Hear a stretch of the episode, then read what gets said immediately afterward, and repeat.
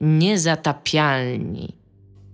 Witamy w 368 odcinku podcastu Niezatapialni, który nazywamy Coś tam, coś tam. To będzie miał tytuł ten odcinek. Tak? Tak, tak jest już, już Ale zostało to powiedziane. numer, a później Właśnie. dopiero coś tam, coś tam. No bo tak teraz jest.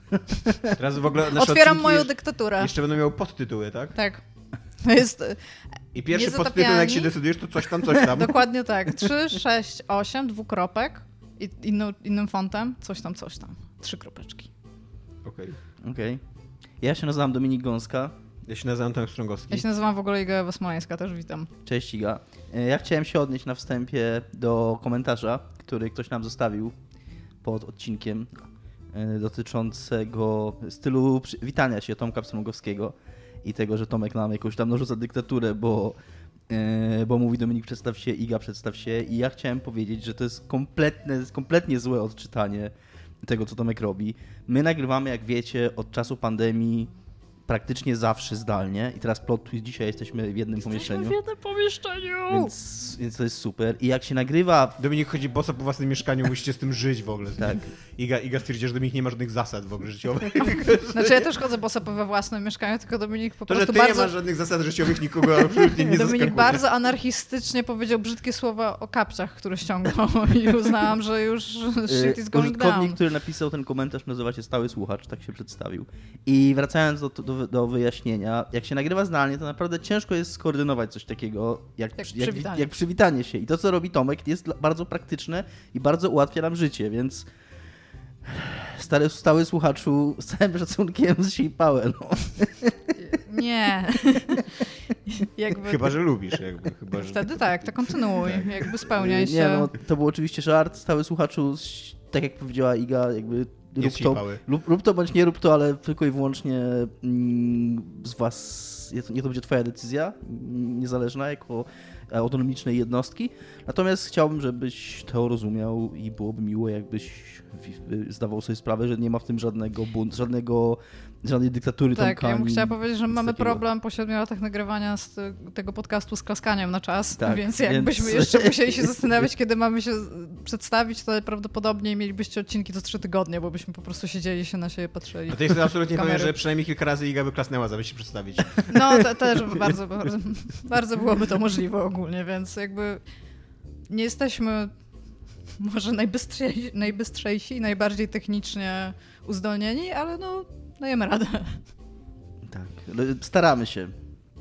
A jako milenialsi, e, jak wiadomo, to, że się staramy, to jest wystarczające dla Czy nas. my jesteśmy milenialsami? Jesteśmy. Tak, jesteśmy. To, oficjalnie jesteśmy milenialsami. To, to jest od A 90. nie jesteśmy pokoleniem Y przypadkiem? To jest od 82 gdzieś do 94 są milenialsi. No nie wiem. A pokolenie Y to jakie jest? Nie wiem, Mi Tomek. się wydaje, że, to, że one są bardzo często zazębiające się ze względu na ilość czynników społecznych.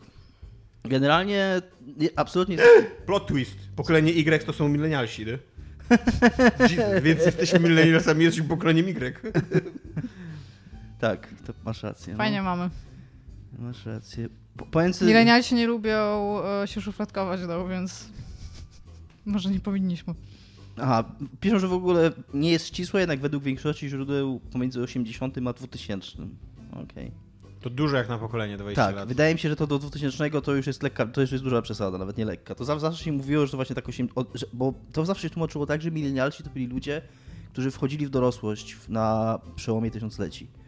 Yy, I, I tak to zawsze było. Ja bym Natomiast powiedział, że jeżeli pokolenie definiujemy poprzez jakiś taki najbardziej, najważniejszy proces zachodzący w trakcie tego pokolenia, no to- Zeitgeist. tak, zeitgeist jakiś taki, to dla nas to by było jakby dojrzewanie razem z siecią, z Tak, internetem, żeby, żebyśmy świadkami tego, że No internet się rozwijał, że od zera tam do Tak. wszechobecności, co nie? tak. A ludzie, którzy się urodzili w 2000 już się To urodzili w wszechobecnym tak, internecie, dokładnie, nie? Dokładnie. To już Też- totalnie nie jest nasze pokolenie. Też uważam, że 2000 to już jest, to już jest mocna przesada. Wydaje mi się, że 2000 się bierze z mm, po prostu pomyłki.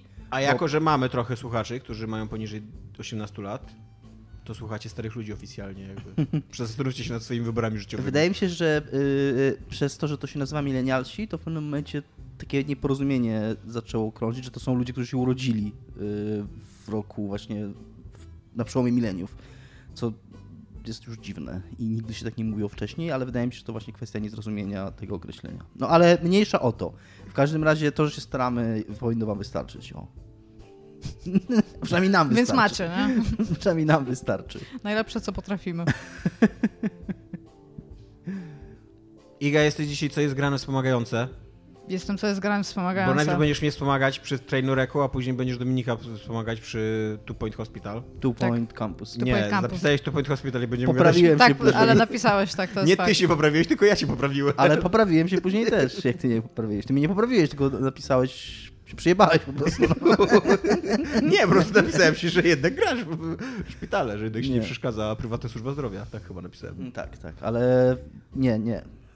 W każdym razie Trainwreck na początku. Iga, oglądałaś trzy odcinki, y, tak w skrócie, trzy odcinki o Woodstocku Woodstock 99, który był katastrofalnie źle zorganizowaną imprezą, podczas której doszło do zamieszek, palenia budynków, sprzętu, pobić, To przemocy, a to- przede wszystkim gwałtów To była najlepsza seksualnej. impreza, jaką w życiu widziałam. Było mi tak przykro, że nie mogłam tam być. Tak, było tam bardzo dużo przemocy seksualnej, natomiast ja w ogóle z jakiegoś powodu, jak ja rozmawiałam z ludźmi mniej więcej w naszym wieku, to miałam wrażenie, że my powinniśmy o tym przynajmniej słyszeć. Ja w Ja życiu nie słyszałam. słyszałem o tym. Ja o tym nic nie słyszałam. Ja mam takie wrażenie, że media zachodnie mówiły o tym bardzo dużo i jakby nie wiem, co się stało w 99 roku, że o tym nie usłyszałam, ale jak zobaczyłam ten footage, to miałam takie przebłyski, że już mogłam go kiedyś widzieć, tam jak upadają te wieże i tam whatnot. W każdym razie właśnie... To nie tak... te wieże upadają. Nie, nie Taka te. jedna nagłośnieniowa wieża. A, ale co miałam powiedzieć, to tak jak powiedział Tomek, to był Woodstock zorganizowany przez tego samego pana, który organizował oryginalny Woodstock w 69 roku a, i potem był chyba jeszcze jeden w 94. Tak. Tak, który tam, na, straszne jakieś tam błoto i bardzo zła pogoda. Czekaj, I postanowi... czekaj, y, to był ten, o którym mówicie, był w, osiem, w 99 czy w 80? 99. To jak- 30 lat po To jak oryginalnym. później był w 94? Je, jeszcze był, je, po 69 Aha, był jeszcze rozumiem. jeden w 94. A przed 99. Tak. I, e, Tak ta- jest. ten, Chronologia ustalona. I, I to jest w ogóle bardzo fajny dokument, bo on bardzo mocno pokazuje właśnie, jak e, zmieniły się jakby ideały i chęć uczestniczenia w festiwalach pomiędzy pokoleniami, bo już bardzo szybko, jak się, jak się zna te zespoły, które były w latach 90., to już widząc rozkładówkę, jakby to jest super w ogóle rzecz, jakie zespoły tam zaprosili, ale wiesz, że to nie będzie pokojowy koncert. Po prostu. W ogóle to jest coś, yy, nie wiem czy jeszcze chciałeś skończyć, czy ci Nie, po prostu chodzi mi o to, że w momencie, kiedy na pierwszym miałeś tam Janis Joplin i Hendrixa na przykład, tak, a zapraszasz jakieś takie new metal, tam hip-hopy. Tak, bo największymi gwiazdami tego festiwalu to był Korn, Limp Bizkit, Rage Against the Machines, Machine, Jedna machine, tak, tak. em, Metallica i Red Hot Chili Peppers. Tak.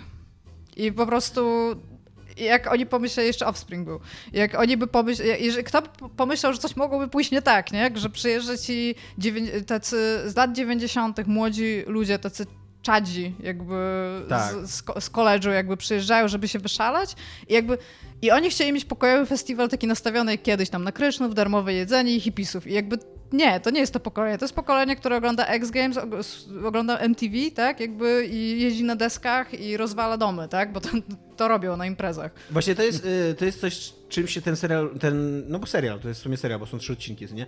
Ten serial się dosyć mało tym, tym zajmuje i ja nawet rozumiem dlaczego, bo mają tak dużo dobrych ujęć z tego Tak. festiwalu i tak dużo muzyki i tak dalej, że tam mnóstwo rzeczy jest do pokazania i oni się raczej na tym skupiają i to jest w ogóle trochę dla mnie problem tego serialu, że on ale to jest taki serial trochę tak jak Giga powiedział, że to jest najlepsza impreza ever, że to w ogóle, ale, ale, ale pierdolnęło z takim nastawieniem. No, ale ja bym tam tota- ja bym totalnie paliła te namioty. No nie wiem, właśnie moim zdaniem ten serial raczej się powinien skupiać na tym, co tam się wydarzyło, przede wszystkim na ofiarach tego. Tam żadna z A tych... to jest e, tylko w epilogu masz takie podkreślenie o tym, żadna, że tam, tam jakieś. zostało zgłoconych przynajmniej pięć kobiet, z czego jedna na pewno była nieletnia, znaczy poniżej 15 roku życia, na Mhm. granicy 15 roku życia, tak tak mówiąc, nie?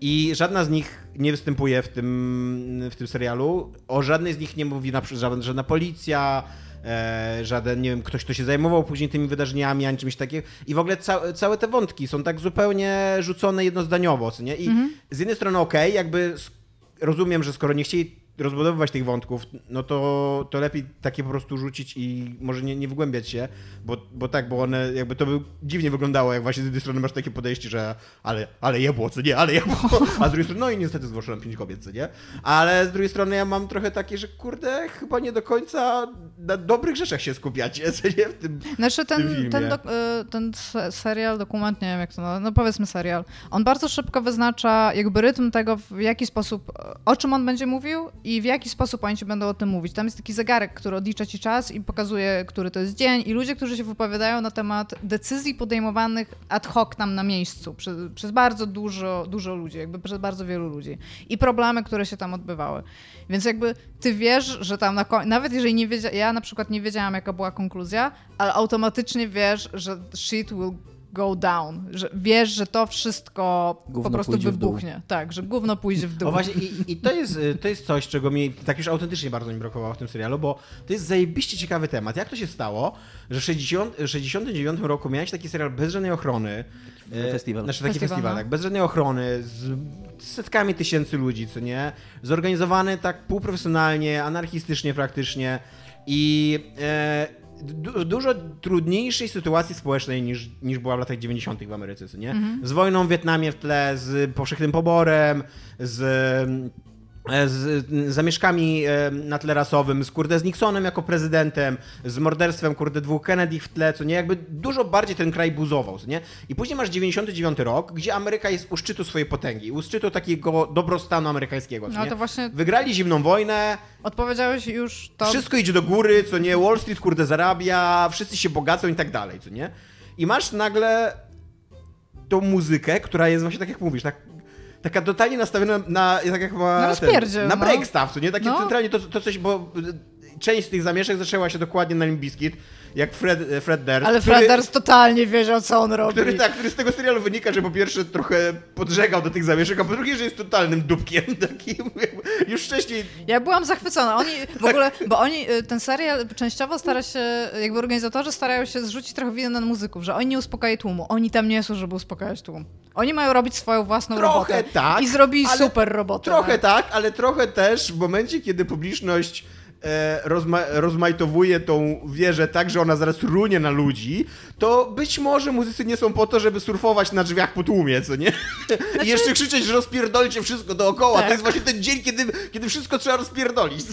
Ja, Ja ja, pamiętam, byłam, mam ja takie- byłam pod ogromnym wrażeniem tego serialu. Bardzo wyraźne wspomnienie z któregoś openera, raczej wcześniejszego niż późniejszego w moim życiu, że na koncercie Pearl Jam Eddie Vedder y, kilkukrotnie w ogóle uspokajał tłum i mówił, że No bo na koncercie Pearl tak, Jamu no właśnie, kiedyś tak, tak, pamiętam, ludzi, Tak, nie? taki, że on był taki widać bardzo przejęty On miał tym. traumę potem. Tak, i, i, i bardzo parokrotnie to przerywał i mówił, że... No ale tutaj też by, y, były jakby przykłady takich muzyków, które tam szły na rękę. Co nie? Na przykład y, ci muzycy z Korn, bo tam się wypowiada jeden z muzyków, mówił, że bardzo się przejmowali tym. Jakby też dali ostry dosyć koncert, ale y, że jakby mieli świadomość tego, że tam się dzieją złe rzeczy, co nie? Że tam ta publiczność może zaraz. Y, Jak Bush wszedł pokornie, to w ogóle cały koncert tak ustawili, żeby uspokoić publiczność, żeby tak bardziej melancholijnie, nie?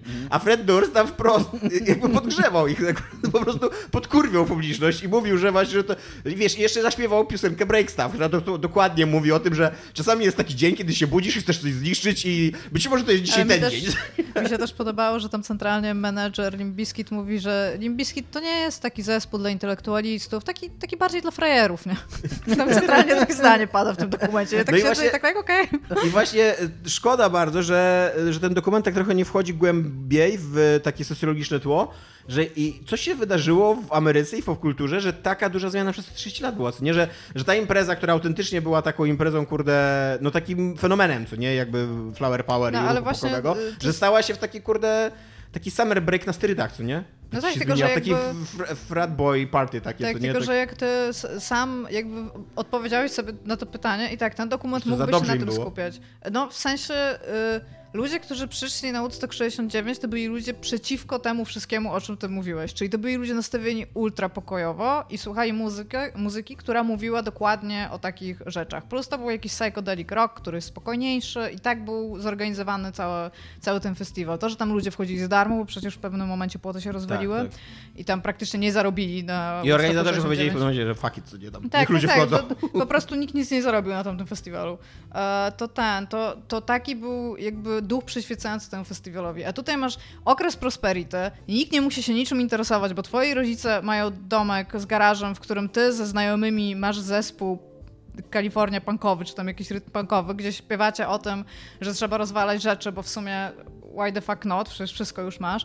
I to są te dzieciaki, które przyszły dokładnie na taką muzykę, tak? Po prostu fuck it, that's roll. A jeszcze ta psychologia tłumu, która tam działała, bo to Tak. było widać po prostu, że to nie było tak, że każdy tam chciał rozwalać rzeczy, ale skoro ludzie już rozwalali, to ja też pójdę rozwalać. Jeżeli ludzie kradną, to ja też pójdę coś ukraść. Jeżeli podpalili coś właśnie, to my też coś chodźmy. Bo oni jeszcze na samym końcu dali im ogień. To była naj, Tak. najmądrzejsza rzecz ever. Zapalmy teraz tysiące świeczek. To jest właśnie, w ogóle to, to jest super scena i takie ładne podsumowanie całego tego festiwalu i tego, tego, tego serialu, bo to jest takie zderzenie tej mentalności z 69 roku właśnie z tymi dzieciakami z 99 roku, które na zupełnie inny festiwal przyszły po zupełnie co innego, bo te, te świeczki, im roz, tam rozdano 100 tysięcy świeczek na finałowym koncercie Red Hot Chili Peppers, po to, żeby tam sy- symbolika miała być taka, że ludzie podniosą te świeczki i będzie taki znak spokoju, pokoju tam przeciwko jakiejś wojnie, nie pamiętam co się wtedy działo.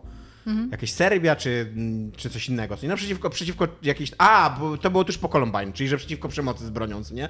I autentycznie rozdali te 100 tysięcy świeczek i ku zaskoczeniu, kurwa, nikogo, co nie? Ludzie zaczęli podpalać w ogóle sceny, co nie? Samochody, wszystko, co nie, dookoła. Tak, jeszcze Red Hot Chili Peppers y, do tego grali Under the Bridge, czyli w sumie ładną, spokojną piosenkę, a zaraz potem wyszli na bis i zaczęli od coveru Hendrixa Fire. Kiedy to wszystko płonęło. I ja tak siedzę i po prostu, o mój Boże, to jest moment, w którym ja chcę być. Nie? Ja chcę być tam, ja chcę kupować tą wodę za 6 dolarów za pół litra wody, chcę stać w tych gigantycznych kolejkach i chcę widzieć, jak to wszystko płonie. Znaczy ja, ja bym chciał, bardzo bym chciał, żeby ten serial oddał sprawiedliwość ofiarom trochę, Tak, bo no on, on nie oddaje tak. im sprawiedliwości zupełnie. I e, no i jakby też rozumiem, że jeżeli już podjęli taką decyzję, że tam nie oddajemy sprawiedliwości, no to spoko, to przynajmniej wyszli z tego w miarę bez, no nie krzywdząco, co nie? Przynajmniej wobec tych kobiet, e, którym się tam stała krzywda. E, ale tak w ogóle to jest ciekawy dokument, zwłaszcza właśnie dla milenialsów i generacji Y, bo to jest totalnie nasza muzyka i to są totalnie takie, takie momenty, kiedy my tam mieliśmy po, nie wiem, 12-14 lat, co nie? I, i słuchaliśmy takiej muzyki. I, i, I patrzysz na to, kurde, co się działo w Ameryce i tak, kurde, co nie? Ale rozpierduch. No, ominęło mi wszystko. Tak swoją drogą, y, tak jak Tomek mówi, bo to, y, o tych ofiarach jest mowa tylko i wyłącznie w takim jakby krótkim epilogu na końcu trzeciego odcinka. I ja ci szczerze powiem, Tomek, bo ja też nie zobaczyłam, że to będą trzy odcinki. Ja myślałam, że cały czwarty odcinek będzie poświęcony konsekwencjom. Wszystkiego, co się tam stało, że będą podadzą ci, ile musieli wydać milion dolarów na sprzątnięcie tego, tak? Jak rozwiązali tą sytuację ze strażą pożarną, bo tam straż pożarna nie zgodziła się na jakiekolwiek łatwopalne rzeczy. Tak. A potem właśnie rozdali ogień i tam w ogóle ten National Guard tam chyba w ogóle musiał się wtrącić, żeby te zamieszki tam ro- rozniecić. Nie rozniecić, stłamsić. No ale w każdym razie i to mnie bardzo interesowało, żeby dostać troszeczkę informacji na koniec całego procederu, a tego w ogóle nie ma i to po prostu ten serial się po prostu kończy. I taka właśnie byłam... No, że tam zarzuciliście dosyć mocny wątek na koniec, nie? Tak jakby skończyliście z pompą, ale no właśnie nie ma konkluzji, nie? Ale ma bardzo dobre tempo, ma Tak, jest bardzo, fenomenalnie do oglądania. jest Tak, w bardzo wciągający jest, ma rewelacyjną ścieżkę dźwiękową. Bo, Ale bo- nie pokazali nic rage'ów, nie ma Nic ani... Rage'u nie pokazali ma i te, ja podejrzewam, że Rage'owie się nie zgodzili na wykorzystanie materiału.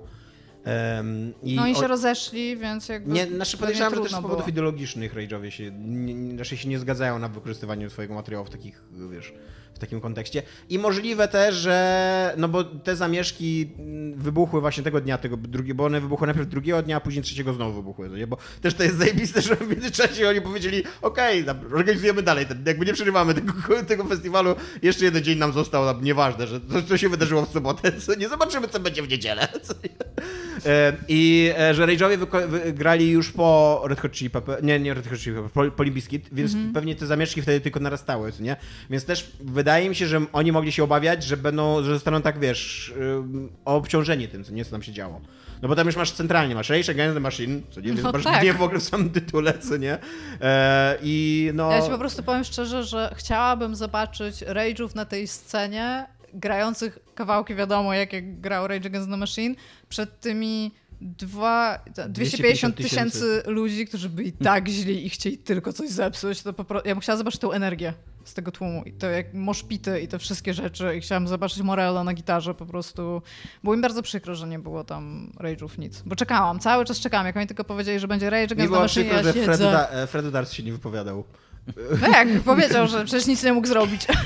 No ale nie wypowiadał się wprost, y, jakby wiesz, jako A gość tak, nie- nie zaproszony było- do filmu. nie było Na przykład z Kornu. Kornu, je, z Kornu jest po prostu koleś, który się zgodził, co nie, tam e, rozmawiać, a Fred Durst się nie, znaczy nie wiem, czy się nie zgodził, czy, czy, czy nie No, miał nie czasu, czy coś, co nie, ale nie ma go. E, Jest, tylko- są tylko archiwalne właśnie z tego 99 roku jego e, tam wypowiedzi. No i myślę, że by się ucie... uśmiechnąłby się i by było jak, a to zrobiłem to. Więc tak, Trainerek e, Woodstock 99. Gdzie to można Na obejrzeć? Na Netflixie. Netflixie. I naprawdę polecam. Tak, tak szczerze, ja mojej mamie powiedziałam, żeby sobie zobaczyła ten dokument, bo tam się spytała, czy coś fajnego widziałam. I powiedziała, że super interesująca, ale smutna. Na koniec No, smutna. 3-4 minutowe odcinki, tylko o, trochę taki trigger warning, że jest tam opisana jedna scena, jak jest odnajdywana ofiara przemocy seksualnej i Jest. to jest tam w, trakcie koncertu Fatboy Slima w ogóle jeszcze przy okazji, bo to, to jest chyba najlepszy człowiek ever, tak, naj- najmilszy w te, ze wszystkich tych gości, którzy się tam wypowiadają, nie? I to jest dosyć tak szczegółowo i traumatycznie On jest w tej samej co nie? koszuli podczas wywiadu i tej samej koszuli w 99 roku na scenie, Tak? tak, swoją drogą. Nie zwróciłem uwagi na to. No ale to, to jest takie dosyć, e, dosyć takie drożliwe 5, 5 minut mniej więcej, jak to o tym się opowiada. To tak byłem mocno poruszony, nie? Więc jeżeli was ruszają takie mm, tematy, to uważajcie. To tyle. Więc tak.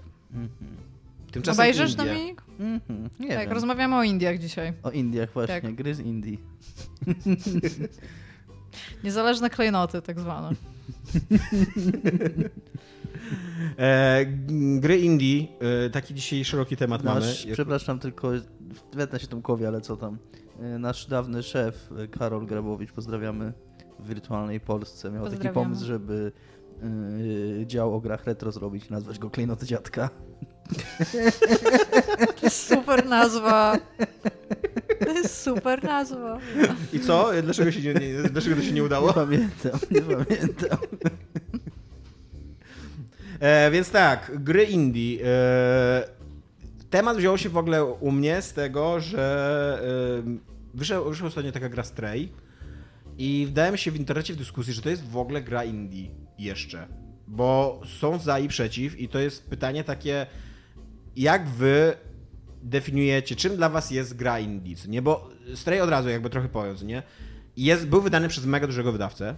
Na pewno był bardzo długo tworzony i z dużymi pieniędzmi zaangażowany. Był promowany przez platformę mm, Sony e, jako ich tam ekskluzyw i tak dalej, ale jednocześnie był e, tworzony przez bardzo mały zespół dwóch do czterech osób, nie? Plus tam pewnie jeszcze jacyś mm, freelancerzy w międzyczasie i tak dalej. No ale to, mm, to jest zrozumiałe, więc tak trochę na granicy, nie? I teraz pytanie moje do was. Jak wy definiujecie gry indie? W dzisiejszych czasach zwłaszcza. Nie wiem. Iga? Ja o tym, Nie, nie. ja o tym dosyć długo, nie, już mają głos. Ja o tym dosyć dużo, długo myślałam, bo ta dyskusja wraca, wraca i wraca. I po prostu Tak. i na konferencjach, i w takich prywatnych rozmowach, i na jakichś warsztatach jakby. I to jest taki, to, to jest taki trochę termin, to, się, to było o filmach pornograficznych, tak? Czy o pornografii? Tak. Że nie jestem w stanie zdefiniować pornografii, Tak. ale jak zobaczę pornografię, to będę wiedział, że to jest pornografia. I to jest troszeczkę moim zdaniem na takiej zasadzie. Ja sobie, ja bardzo, bardzo długo myślałam, co to definiuje i nie byłam w stanie znaleźć niczego, co by tak jeden do jednego zawsze mi zdefiniował grę indie i wymyśliłam sobie coś sprytnego takiego, że istnieje jakaś taka checklista iluś tam rzeczy i jeżeli na przykład 70% z nich będzie odczekowane, to uważam w sercu, że to jest gra indie, czyli właśnie mały zespół, tak? Brak wydawcy też jest na tej liście, ale nie muszą być zaznaczone jakby we dwójkę razem. Czyli na przykład jeżeli gra jest jakaś junkie, albo powstała za mniej pieniędzy, ale ma wydawcę, albo zrobił ją na przykład średni zespół e, ludzi, ale nie ma wydawcy, jakby, że jedno zawsze działa na korzyść, jakby zamiennie może działać z drugim. I po prostu nie ustaliłam wszystkich tych checkboxów jakby, ale mam wrażenie na przykład, że gry, które są w jakiś sposób e, oryginalne, takie bardzo, bardzo, bardzo nowoczesne, to zawsze to dla mnie, że tak powiem, trochę śmierdzi indykiem. Właśnie mały zespół ludzi, brak wydawcy, mało pieniędzy, e, jeszcze co, poczekajcie, bo muszę chwilę, e, e, gry stworzone w silnikach typu RPG Maker, nawet jeżeli były Czyli Unity to już jest dla ciebie główny nurt, tak? E, e, Silniki komercyjne, tak, już bardziej głównonurtowe, ale Unity, no jakby i Unreal też mają bardzo dużo gier indie, tylko że taki RPG Maker, jakby nie wierzę w fakt, że na przykład Ubisoft uznałby, że teraz użyją RPG Makera, żeby zrobić nową grę. O to mi bardziej chodzi, nie? Że są te, jeżeli używają właśnie takich indie programów do, te, do tego, żeby robić elementy. E, no właśnie RPG Maker mi się kojarzy z grami indie, ja tak? Ja z indie. Indie A, programy z Indii. tak, indie, jeżeli, tak, jeżeli są zrobione w Indiach na przykład, to również dobry checkbox. E, jeżeli są w jakiś sposób e, wytworzone jakby, nie wiem jak to nazwać, z sercem, że podejmujesz bardzo dużo ryzyka, bo wiesz, że to nie będzie gra głównonurtowa, ale masz tam jakiś zespół ludzi, żeby coś stworzyć, bo to będzie taki twój, w cudzysłowie, indie darling. I że jeżeli tam na przykład... Kochanie na... z Indii. Tak. jeżeli e, będziesz w stanie na przykład 7 z tych 10 checkboxów ustalić, w sensie, że tak, to się zgadza, to dla mnie to już automatycznie wchodzi teraz pod taką grę indie, bo tak definicji takiej stricte nie jestem w stanie znaleźć. Dominik? Czy yy, ja nie wiem. Czym są nie, dla Indie? Yy, nie, yy, wiecie co, ja podobnie jak Iga mm, nie mam jakiejś takiej jednoznacznej definicji, natomiast mam...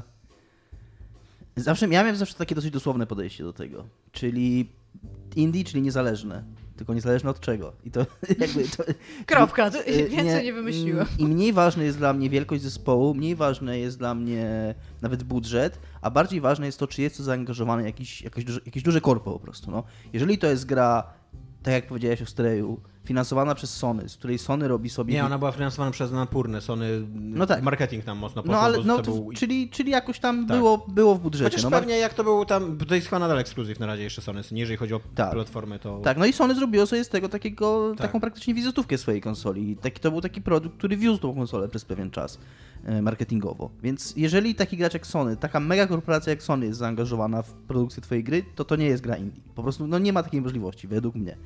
E, I tak samo na przykład.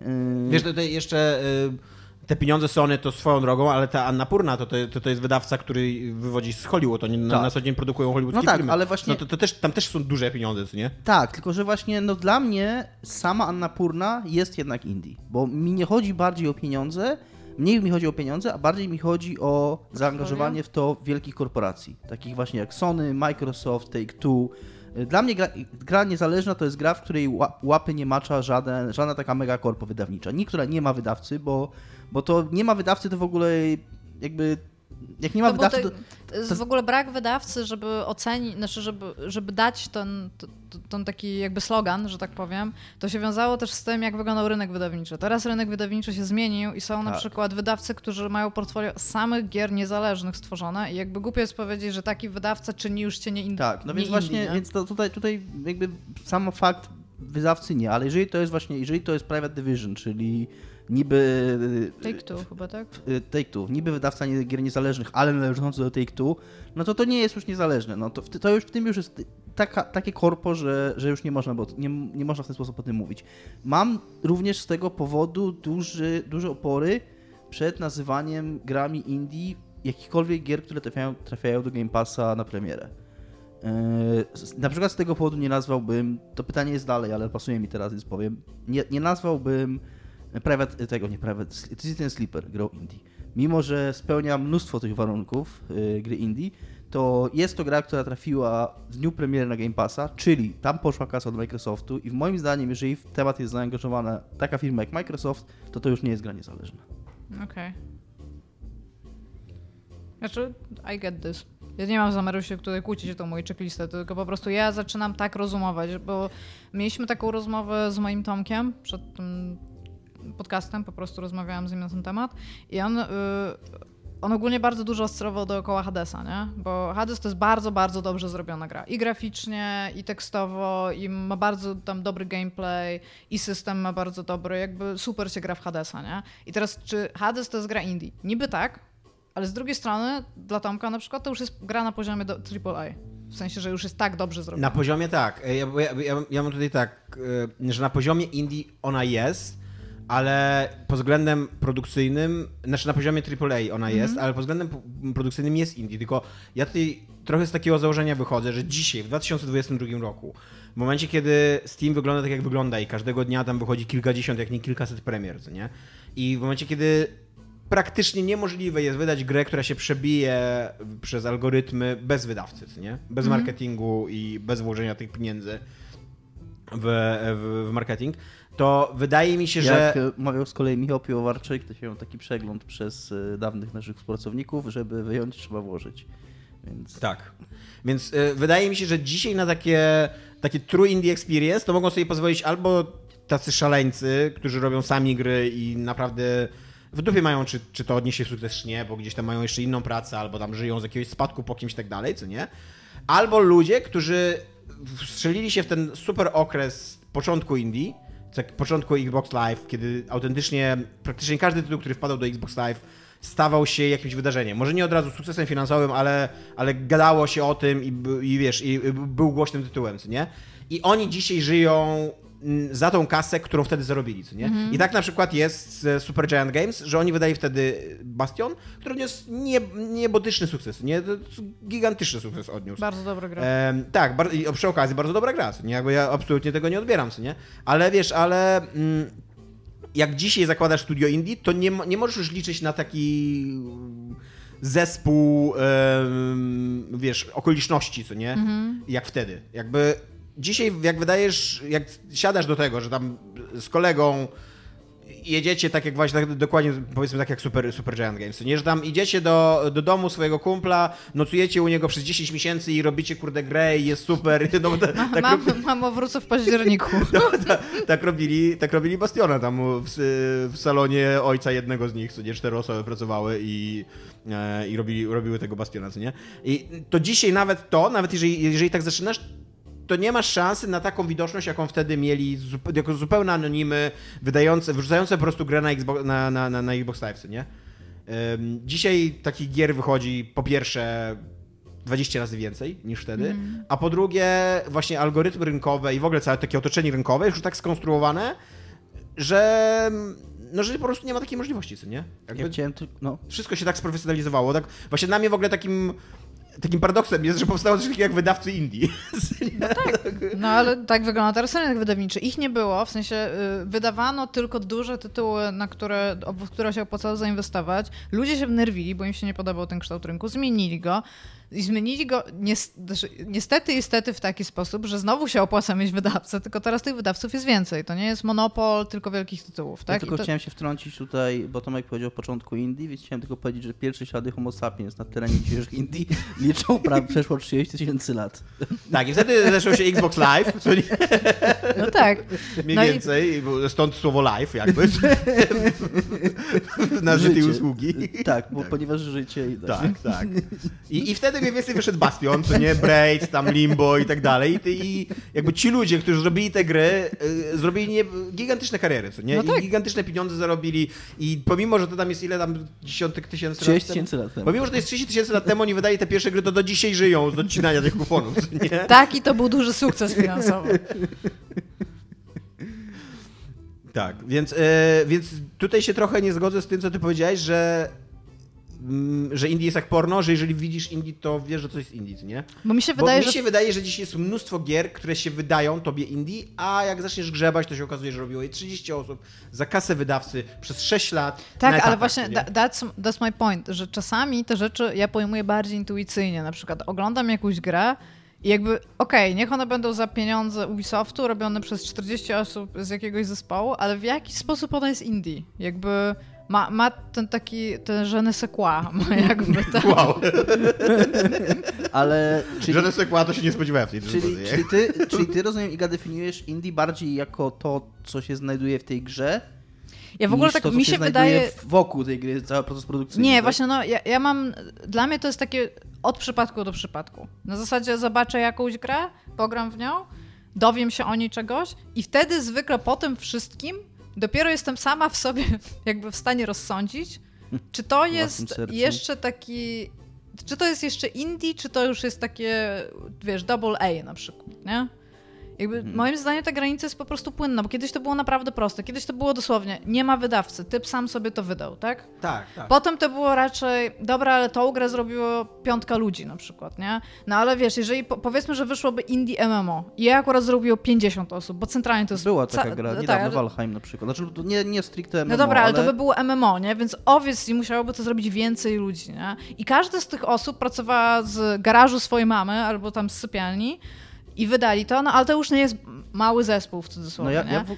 Ale na przykład na sam koniec tego, jak to zrobili, przyszło Sony i dało im trochę pieniędzy. Już na przykład Dominik uważa, że to nie jest Tak, indie. uważam, że Nie? Dla nie jest mnie indie. wciąż już jakby to jeszcze Ja byłoby w ogóle, w indie. ogóle ja sobie teraz tak myślę, że mm, przez to moje takie fundamentalistyczne trochę podejście do, do rozumienia tego terminu, że na przykład ja uważam, że Super Giant Games y, jest dużo bardziej indie niż człowiek, który zrobił Citizen Sleeper, bo Ty po prostu nienawidzisz tego typa, który nie, zrobił nie, Citizen nie, Sleeper, nie, co? nie, nie o to chodzi. To jest to dobry przykład, bo to jest bardzo mała gra zrobiona przez innego człowieka praktycznie. I akurat niedawna premiera na Mhm. Game Passie.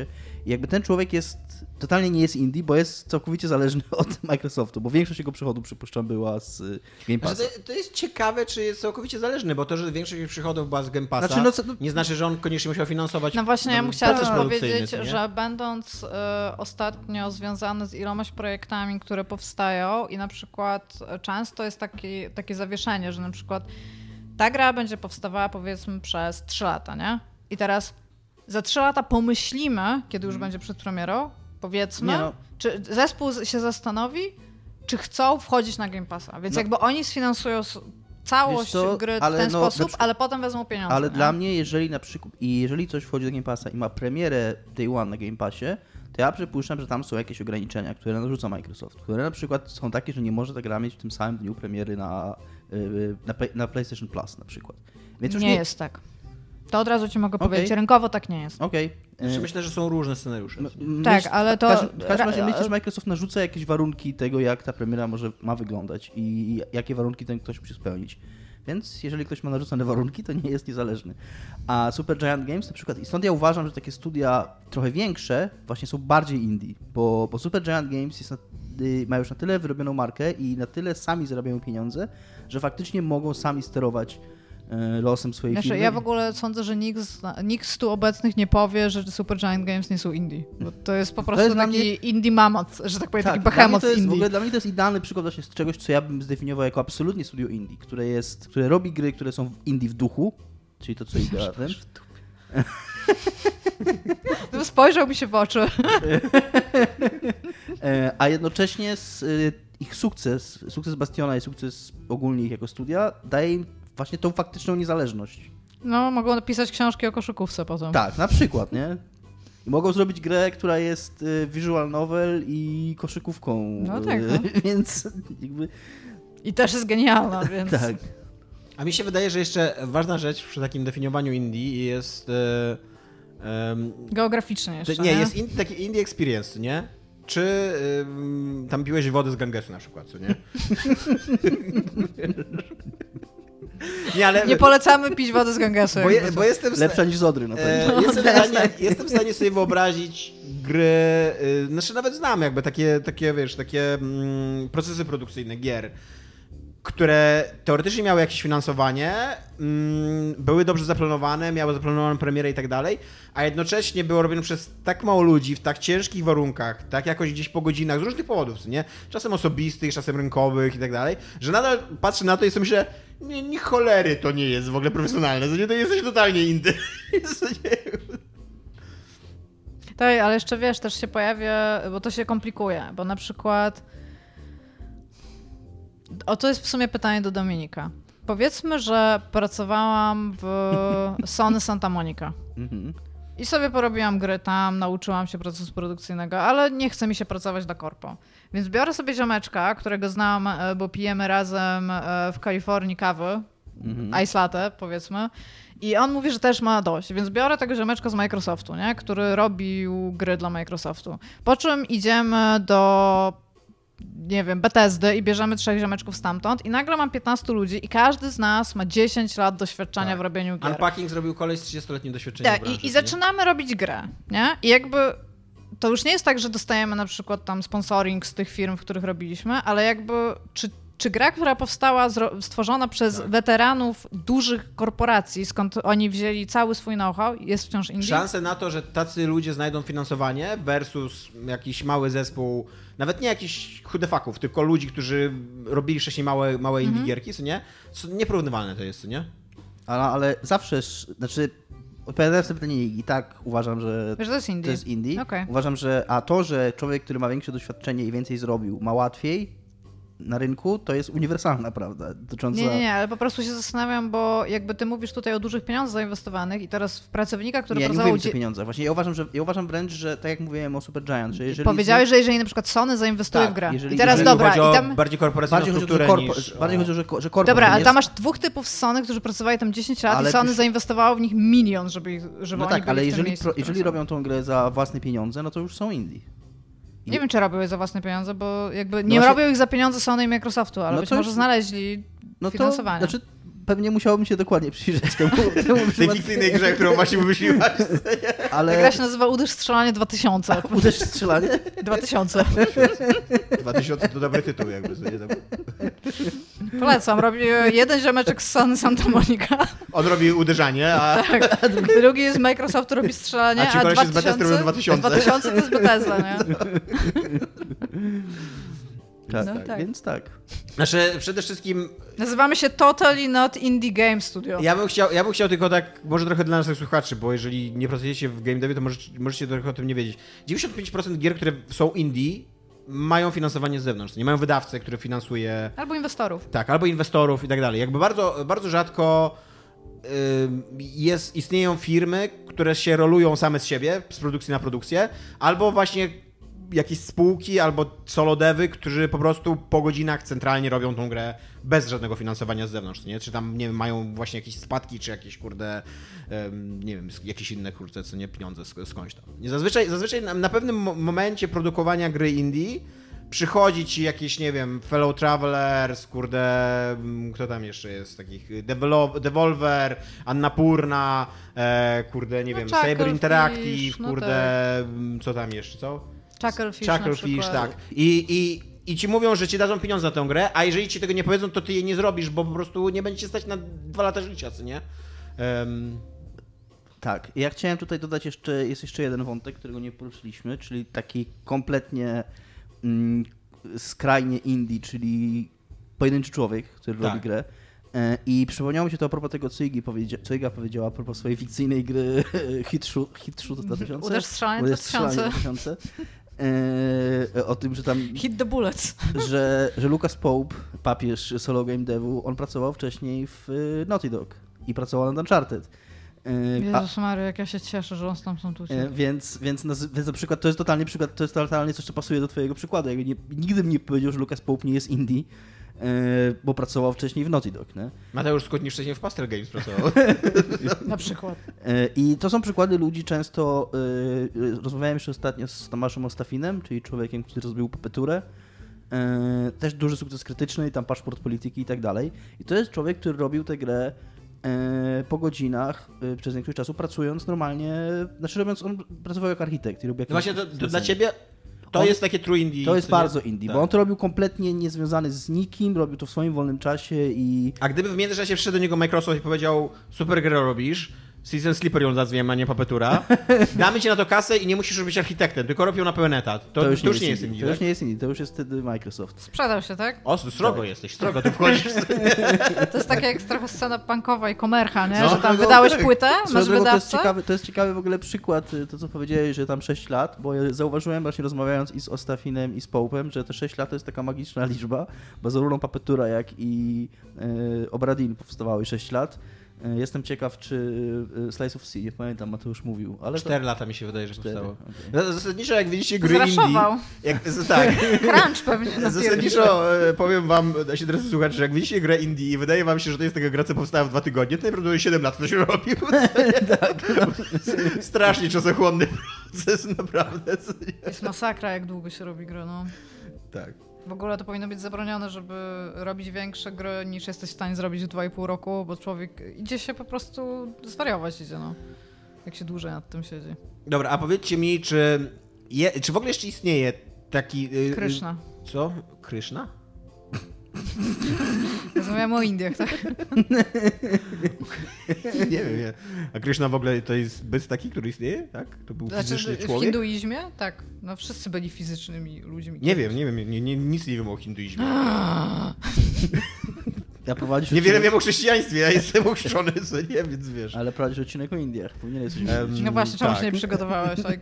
Czy, czy, czy powiedzcie mi, czy jeszcze, wśród, bardziej wśród publiczności, e, ale też, nie wiem, no, wśród krytyków na przykład, czy ten etos in, Indii jeszcze istnieje? Czy to jest coś, co jest ważne i istotne, na co istnieje i, i, i, i że to jakby jest to porównywalne w ogóle do tej dekady 00, co nie? Bo wtedy, wtedy to było gigan- gigantyczne, co nie? Jakby coś, no bo pisało się o Rynek tym się zawsze, zmieniał. kładło się nacisk na to, jakby to był właśnie taki, taki zupełnie inna para kloszy, co nie? Niż gry AAA. To jest w ogóle to jest ciekawe, bo e, tutaj muszę pomyśleć o moim fundamentalizmie jednak i na ile on jest sensowny, bo przecież cały praktycznie start tego, co nazywamy grami indie, w dużej mierze wydarzył się e, dzięki Xbox Live. I dzięki temu, że Microsoft bardzo promował, mieli to Tak, swoje... mówiliśmy o tym 30 tysięcy lat temu. Tak, 60 lat temu Tak. i, i za- zaczął te Microsoft gry... bardzo Indię promował i tam trochę I, DNA że, rozrzucił. I że właśnie, i że właśnie dzięki, tej, dzięki tej promocji Microsoftu i dzięki temu, jak oni Microsoft wiedział, to, że, to- że to, że to promuje jest dobre, ale nie miał odbiorców, więc stworzył odbiorców. Więc jakby i w tamtym czasie, tak jak mówi Tomek, no moim zdaniem absolutnie to już jest nieporównywalne do, do tego, co było wtedy, bo, bo to się wszystko, bo w te, te, tamtym czasie jeszcze, mimo tego zaangażowania Microsoftu, Microsoftu był taki duch, nie wiem, buntowniczości w tym wszystkim. Jakby patrzyło się na to jako taką kontrę do tego, co się robi w, w standardowym, w takim mainstreamie. Było takie, takie coś jak ten Woodstock w 99, że tam ci Jonathan Blow z Philem Fishem tam wpadali i po prostu rozwalali rzeczy, nie? Dokładnie tak było. Jak się zobaczy Blowa i Fisha, to po prostu widać, jakie to zakapióry anarchistyczne. No. Wciąż powinni zarazem założyć firmę. No. Tak, tak. E, I, a teraz, no to to wszystko przez to, że weszło, weszły w to wszystko pieniądze i wszystko Pope Blowfish to powinno być w ogóle. się, to, to wszystko się jakoś tak skrystalizowało i wykształciły się procesy, i wykształciły się jakieś procedury i korpo i już nie ma tak miło i, i, i niezależnie.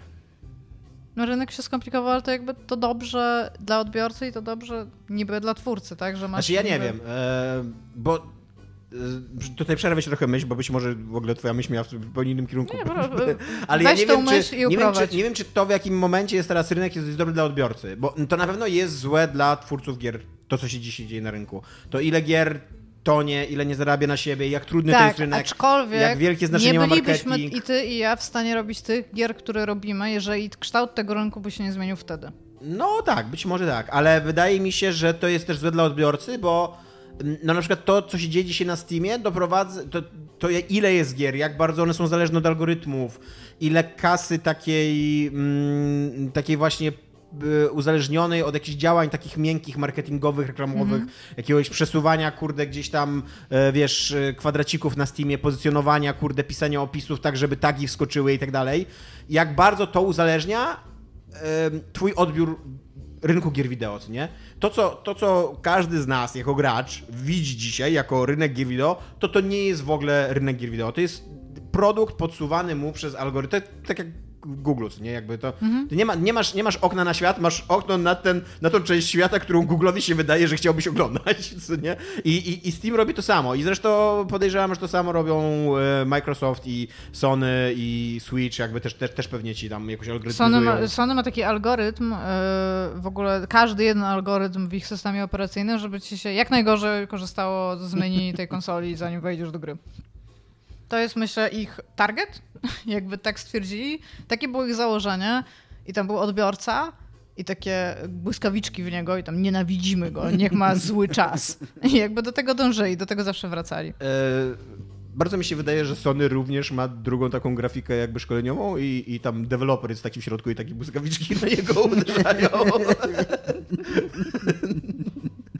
Więc e, tak, wcale mnie to nie dziwiło. Ale Ale wiesz, wiesz, z ale, takim projektem PS5 i patrzą się na te dwie infograficzki, tam idealne. ludzie, ludzie się pożygają, jak to zobaczą. No. No, dobra, nasza konsola już jest upierdliwa dla, dla y, graczy, upierdliwa dla odbiorców, ale, ale jeszcze wygląda ładnie. Trzeba coś z tym zrobić. jeszcze jest trochę za mała, będzie za mało miejsca na półkach sprzedawczym, co nie zajmowała, ale jakby mogło być większe. Co? E, I tam, ile za to? Dobra, drożej. Musi być zdecydowanie drożej. I wyślijcie ich bardzo mało. I tak, i gdyby się dało zrobić tak, żebyście nie nadążali z produkcją, to jest też było super. I jeszcze niech nie wychodzą na to grę, jesteśmy w domu i wszyscy przybijają piątkę. I tam, wiesz, takie tylko cięcie na głowę, jak najlepiej sprzedając trzy konsole w historii. Sony znowu to zrobiło.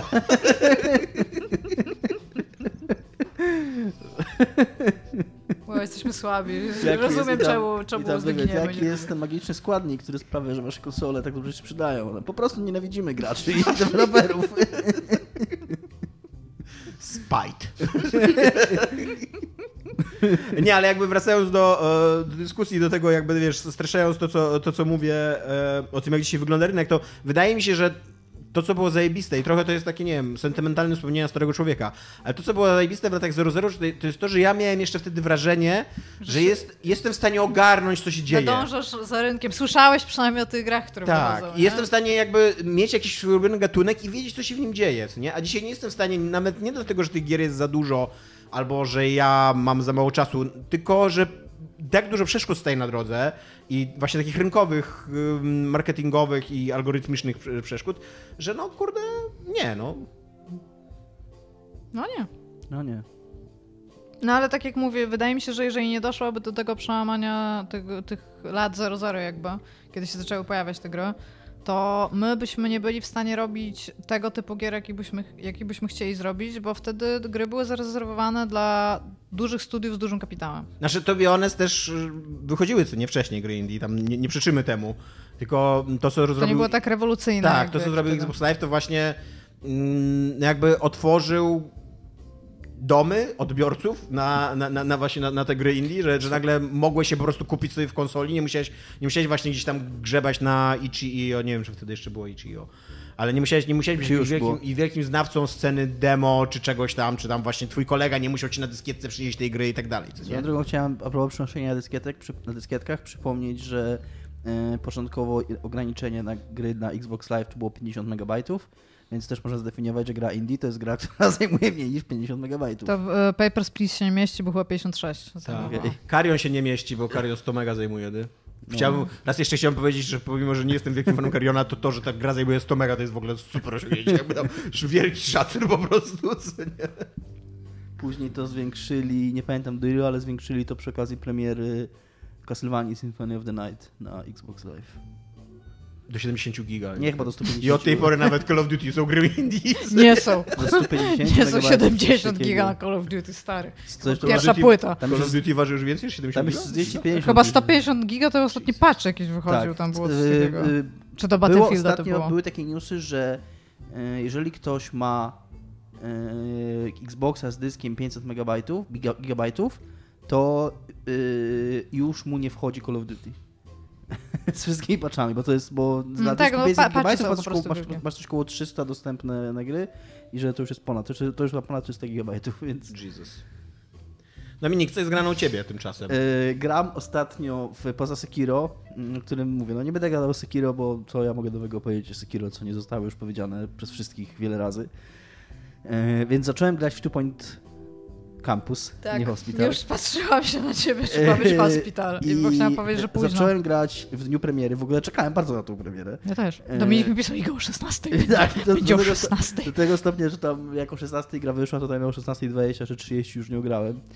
E, I, I to jest po pierwsze, to są po pierwsze narkotyki, absolutnie. Tak, to jest heroina, no. Hard drug. To, to, to jest coś takiego jak właśnie, tak jak mówiłem, że grałem w tego Crusader Kings 3. Yy, Jest to wariacja na temat Two Point Hospital, zrobiona przez tych samych ludzi, którzy nazywają się chyba Two Point Studio w ogóle. Tak, i oni też są bardzo świadomi faktu, że zrobili tak naprawdę sequel, bo też w tych wiadomościach radiowych, Tak. które tam są, mówią o tym, jak niekreatywne są sequele, jak nikt nie powinien robić sequeli. Tak, ale o tym za chwilę. Tak, tak. I, I też yy, i jest to gra, która. Ja bardzo mało grałem w Two Point Hospital, więc yy, nie chcę jej porównywać. Natomiast mocno czuć, że to jest gra zrobiona na tym samym silniku, yy, na tej samej logice i moim zdaniem najbardziej to czuć w tym, jak działają akademiki w tej grze. Chociaż być może gdyby działały tak, jak, być może nie jest to związane tylko z silnikiem, bo być może jakby działały tak jak w prawdziwym życiu, to były po prostu upierdliwe. A, akademiki, A jak działają akademiki? Działają tak jak sale szpitalne. Po prostu kładziesz, stawiasz łóżka koło siebie i tam ci studenci wchodzą i po prostu wymieniają się. Nie, nie, nie ma tak, że każdy ma swój pokój, tylko po prostu jak oni tu mówią, że mniej więcej ma być jedno łóżko na pięciu studentów. I, i te, jak studenci chodzą, po prostu czasami jak studentowi spadnie tam energia, to on idzie i się kładzie w tym łóżku. Nie? I Aha, czyli to nie jest takie miejsce dla niego, tylko takie miejsce Tak. do naładowania baterii. Tak, dokładnie. Jest takie, takie komunalna przestrzeń, w której oni ładują, ładują sobie te baterie. Ja w No. ogóle robię najgorsze te dormitories. Ja robię sobie, z, z, gram teraz, przeszedłem dwie misje całe i gram, jestem teraz w trakcie trzeciej yy, i to jest, yy, to, to jest taka gra, jakiej ja bardzo długo, bardzo długo szukałem, zanim ona wyszła i też przez to się skręciłem tak w Crusader Kings 3. Bo to jest gra, która jest w ogóle niestresująca. Ja nie wiem, czy tam się da przegrać, pewnie się da, ale trzeba się super postarać, wydaje mi się.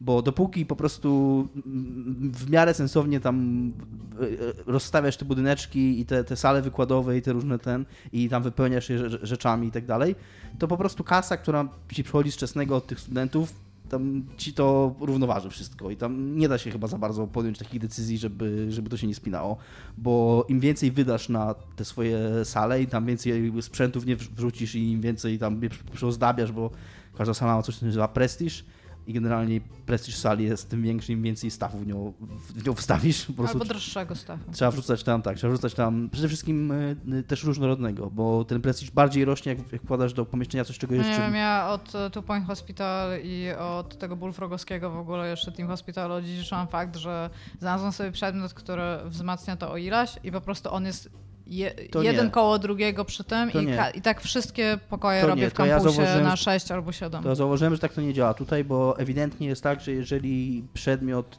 je, powtarzasz jeden, to każde kolejne jego użycie dodaje mniej. Tak, ale wciąż dodaję, więc Że- jakby tak do szóstki albo siódemki mogę dolecieć, Ale a nie muszę nic wymieniać, Bardziej, trzeba... bardziej ekonomiczne jest właśnie wstawianie różnych, że jak, pier, jak jest... Ale musisz więcej kliknięć zrobić.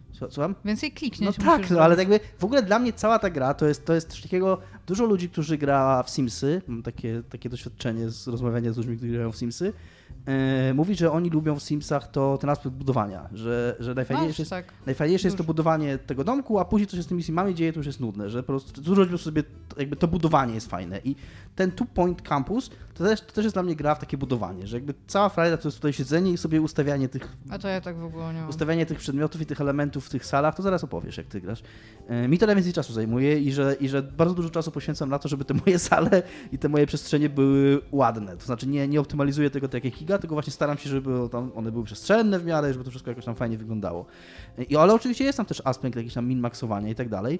Tylko, że tak jak mówię, im, nie skończyłem mówić, im, te, im więcej kaszy wydasz na te pomieszczenia, to wpływa na twoje czesne, więc tym więcej masz kasy później z tego. A więc jak zrobi się droższe, to będziesz miał większe wpływy, a jak zrobi się tańsze, to będziesz miał mniejsze wpływy. Więc jakby to się wszystko balansuje i gra sama z siebie jest tak skonstruowana, że wydaje mi się, że tam nie ma jakichś ekonomicznych rozkmin takich, że coś tam ten. A przynajmniej na razie jeszcze do nich nie doszedłem, bo też, też prawda jest taka, że te misje, one dosyć mocno prowadzą za rękę gracza w tym, co ma robić, że, że ja nie mam za bardzo wyboru na przykład jakie kursy mam prowadzić. Tam pierwsza misja to jest e, e, chyba e, taki Virtual Normality. Virtual Normality tam jakieś science. science, tak, a druga to jest y, gotowanie, tam fine dining.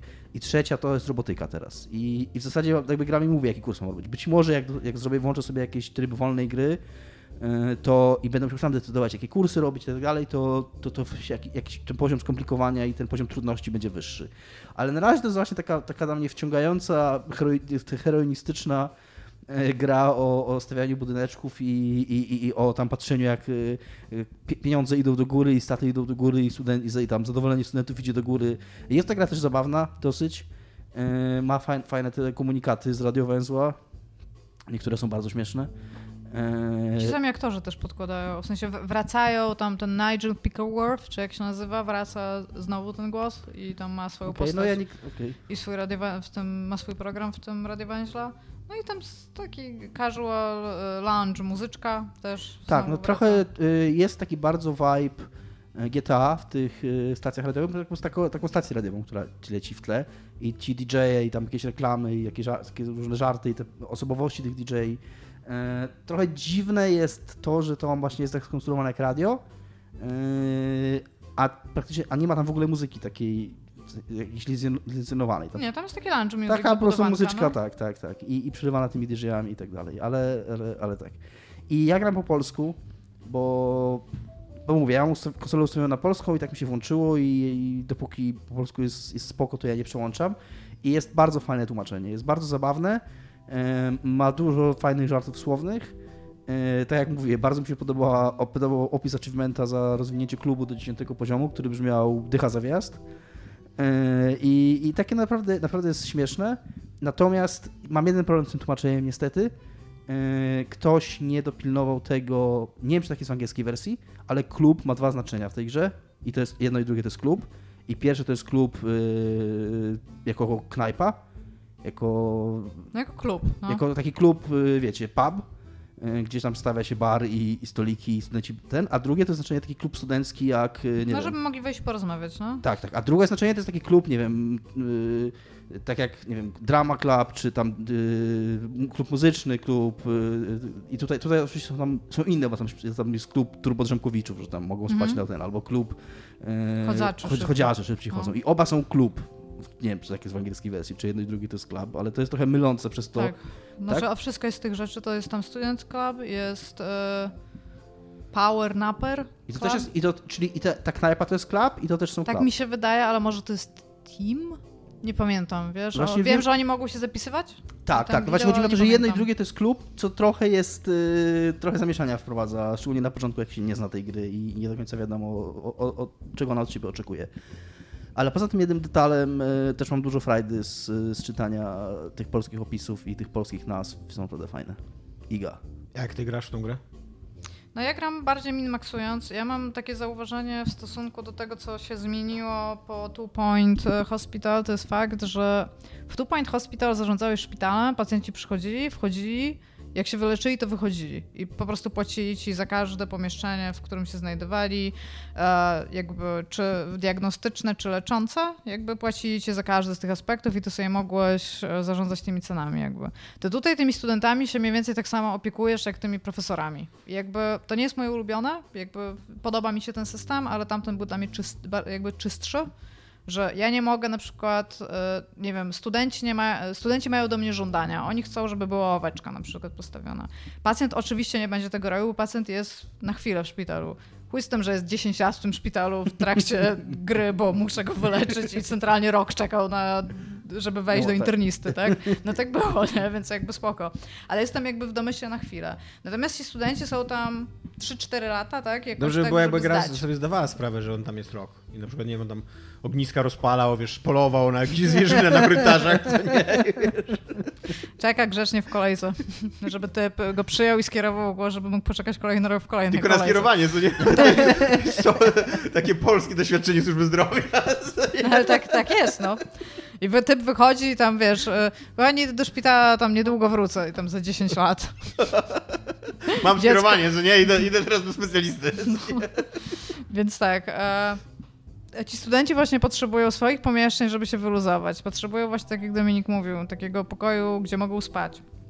I jakąś kuchnię tam można im zrobić. I że oni potrzebują, bo oni też e, jakby nawiązują znajomości, bo ci pacjenci pomimo tego, że byli 10 lat w tym szpitalu, to nie nawiązywali ze sobą znajomości, nie rozmawiali ze sobą, bo to są ludzie kulturalni, nie będą zaczepiać obcych, tak? A studenci to zwierzęta, więc podchodzą do siebie, podają sobie ręce, są na jakichś poziomach tam zażyłości, mogą mieć romans na przykład. I, jakby, I tutaj ci dochodzi taka cała druga warstwa, że ty się nie interesujesz tylko tym, żeby ten twój profesor dostał pensję, dostał jeść, e, tak, żeby miał, miał tam coś do zjedzenia, żeby mógł się wysikać, żeby y, miał miejsce do wypoczywania, bo przecież nie chodzi do domu. Wiadomo, że każdy szanujący się lekarz spędza całe swoje życie w szpitalu aż do śmierci po prostu. Oglądałem ostatnio dużo, tak jest. Tak, od momentu, kiedy dostanie robotę, to praktycznie już mieszka w tym szpitalu i jakby odpoczywa tylko się Mimo, że ten szpital go utrzymuje, on tam cały czas y, jakby ma drzemki gdzieś tam w jakimś tak. pokoju y, pielęgniarek i tak dalej, to jeszcze cały czas jeszcze narzeka, kurde, na pensję, co nie?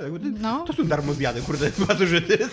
No i ci studenci właśnie sobie tam żyją i to jest taki jakby zupełnie, y, to jest taka rzecz, która jest nowa, w sensie, że trzeba się interesować zarówno kadrą, czyli tego, co tam im zorganizowałeś, żeby, mogli jakby zdobywać tę edukację, bo oni oni mają za zadanie dostawać dobre oceny. I tak jakby oni ci będą płacić, ale ty musisz zadbać o to, żeby oni mieli dobrą Tak. zdawalność, żeby nikt nie wyleciał ze studiów. Ty się martwisz bym trochę o prestiż Ja tej... powiedział, że dbanie o studentów jest ważniejsze niż dbanie o Tak, i to właśnie kadry. jakby... Nie, To dosyć akurat realistyczne, jeżeli chodzi o a ja bym właśnie edukacją. wolała, ja bym, nie, ja bym wolała nie, nie dbać o studentów, chciałabym, żeby na przykład moi profesorowie mieli lepiej jakby, tak? I ja buduję wszystkie rzeczy Myślę, bardzo że dużo optymalnie. osób z edukacji by tak chciało. No, być może wyrasnę z polskiej edukacji i systemu szkolnictwa i dlatego jakby staram się tutaj te moje bolączki tak naprawić.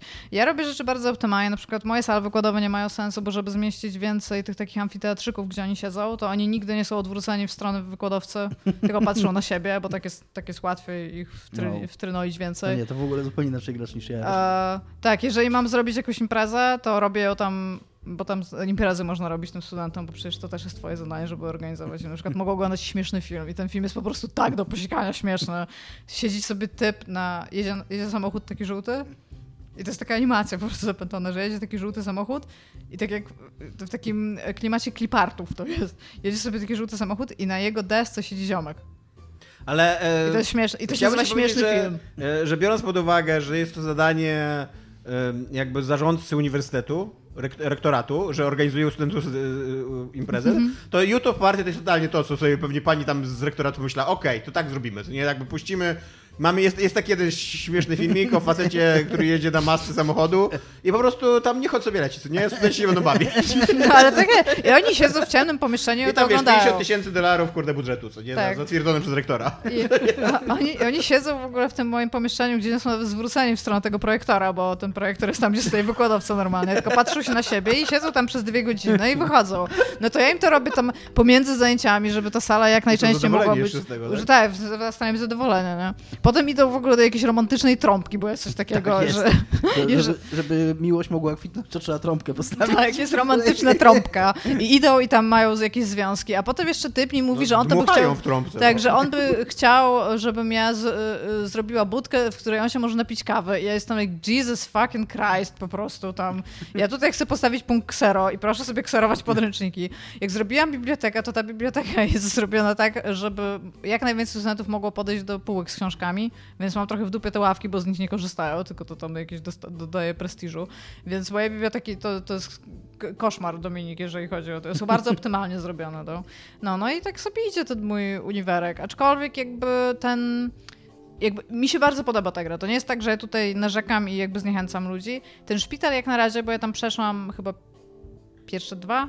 Trzeciego nie zaczęłam, ale jakby wydaje mi się, że przeszłam ten drugi już, e, e, bo potem pojechałam do Trójmiasta i tutaj jestem. E, to jakby wciąż będę w to grać, bardzo chcę to mocno wyeksplorować, ale ten szpital miał dla mnie takie jaśniejsze zasady przez to, że ja wiedziałam, że ja czuwam nad szpitalem, a tutaj czuwam tak jakbym czu, y, czuwała zarówno nad e, lekarzami, jak i pacjentami. Mhm. A pacjenci to był jakby means to an end i tutaj też studenci Wydaje to jest się, means to an end, bo mi płacą. Ale jakby, do celu. tak, ale trochę w dupie mam, czy oni powinni mieć klub jakby, tak? Jeżeli chcą klub, to niech idą mi z kampusu, bo to też jest, to nie jest university, to jest, to jest kampus, tak? Więc ja tutaj nie zarządzam samym uniwerkiem, tylko tam na zewnątrz właśnie budujesz im jakieś takie miejsca, gdzie mogą mieć pikniki albo coś takiego, że, że tam zarządzasz jakby tym ich życiem. I to mnie trochę mniej interesuje, bo to jest taka fantazja, którą ja bym chciała... Ja nie lubię studentów. Jakby, jeżeli mogą cierpieć, to niech cierpią, nie? I tam krzyczą, że chcą prysznic, tam w dupie to mam. Ale potem się A okazało, powiedzcie że mi, nauczyciele też potrzebują Czy prysznica. ci, czy ci studenci są na tyle jednostkowo rozpoznawalni, że tam Tak. jakieś małe i takie historyjki też śledzicie? Tak, mówi ci w ogóle na przykład gra, się do bohaterów? że jakiś tam Wolf, y, tam Atkinson powiedzmy właśnie poznał Gregorego kogoś tam. I potem masz na przykład za pół godziny jak, pomiędzy tymi komunikatami widzisz, że student, właśnie ten Wolf Atkinson i Gregory jacyś tam jakiś są teraz najlepszymi przyjaciółmi. I centralnie jak sobie klikniesz, to możesz zobaczyć, że sobie siedzą na przykład na ławce i rozmawiają i mają... Odwróceni pewnie do ściany twarzami, I tak tak, jak Boiga i tak postawiła. I tak samo też, A za nimi, kurde, leci YouTube party za- i, e, i też masz przegląd ocen studentów, bo y, jest ważne to, żeby mieli dobre ceny, żeby wszyscy zdawali i na przykład widzisz, jak, jak, jak im idzie i tym, który idzie słabo, możesz wysyłać na indywidualne, bo masz taki pokój indywidualnego nauczania i tam też możesz podnosić oceny. Takie konsultacje troszeczkę, nie? Że Tak. przychodzisz i tam jest ziomeczek, po prostu czeka na ciebie, pokazuje ci tam rzeczy na tablicy. Moje tablice są tak odwrócone, żeby student ich nie widział na przykład. naprawdę nienawidzę studentów. A jeszcze mi się przypomniało to, co wam wysłałem a propos polskiej wersji, co mnie strasznie ujęło, że w opisie tego dormitorium jest, że tutaj dzieje się magia i w nawiasie spanka. I uważam, że to jest bardzo cute. No i śpiał i możesz im przykleić e, naklejkę, że kochają papier Tak, toaletowy. I love TP, czyli two point. Nie, toilet paper.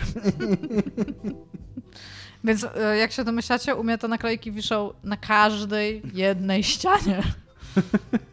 Ale tak, ja też I jeszcze polecam. mam takie dormitorium, że jest łóżko na środku jedno i dookoła niego jest bardzo dużo łóżek, tak tylko żeby mogli jak najwięcej się ich tam zmieścić. Jest też opis, ale to akurat nie, nie jest kwestia polskiej wersji, ale też tak randomowo przypomniał, że jest taka gotyczka świe, gotycka świeczka, taka świeczka w kruku i jest opis, że tam idealny kompromis pomiędzy światłem, między mrokiem a ciemnością. Jest zabawna ta gra, Jest tak. Jest, moim zdaniem to jest bardzo fajny i godny następca tego Two Point Hospital, aczkolwiek jeszcze nie miałam tych e, night classes, czy tam night school. No to, I na to super czekam. to bo niestety na pewno nie jest dobrze. Znaczy nie wiem, jak to przetłumaczyć na polski, ale to tego się. no, to jest dobry punkt, to jest to naprawdę jest dobry dobry pun i trochę jest mi smutno, że nie będę miał tego puna. E, I chodzą normalnie w zbrojach w ogóle po tej szkole, więc jakby to, to ja, to czekam. e, tro, mi się na tyle podoba ta gra, że być może jak się nie uznudzę, to jednak spróbuję Two Point Hospital. Sobie myślę. Fajnie, że czegoś nowego próbują, bo w ogóle no, Two Point Hospital jest bardzo mocno widocznym klonem Team Hospital i jakby w, niego się, w, nie, w to się gra tak samo, więc fajnie, że czegoś nowego spróbowali. Muszę to dalej poeksplorować, tylko mówię, mam... Nie, nieczysto się czuję zarządzając wszystkim, co się dzieje w tym budynku. Jakby wcześniej tworzyłam coś dla pacjentów, którzy przychodzili, przechodzili przez ten mój system, a teraz ja muszę wszystkiego pilnować i to jest dla mnie... Być może, tak jak mówisz Tomaszu, rzeczywiście to jest bliżej systemu szkolnictwa, ale jakby ja chcę mieć w dupie studentów. Gra jest za darmo w Game Passie. Nie jest darmo. cenie abonamentu. Ja, ja to lubię mówić tak samo jak Tomek lubi mówić Half-Life 3. Bo wiem, że zawsze będzie To jest reakcja. spoko gra. Jest, e, Ale to jest dobre porównanie, bo zawsze ja mam rację, jak w obu tych przypadkach, nie? Wow. Yy, więc tak, więc ma niski próg wejścia, można sobie zagrać w cenie abonamentu Ga- Game Pass. Dobra, to wracamy do Indii. E, I powiedzcie mi, bo już w sumie będziemy kończyć, bo ta nasza dyskusja wyszła taka trochę chaotyczna i y, większość tych punktów, co tu wpisałem, omówiliśmy. E, Ale powiedzcie mi, czy gry Indie są dzisiaj relevant, istotne, co nie? Czy są, narzucają jakoś, nie wiem, em, ton Moim- temu, jak zdaniem się są mówi o grach? bardziej istotne niż gry AAA, które moim zdaniem w Ale grach jakie AAA gry Indie? nigdy nie było takiej stagnacji, jak jest teraz.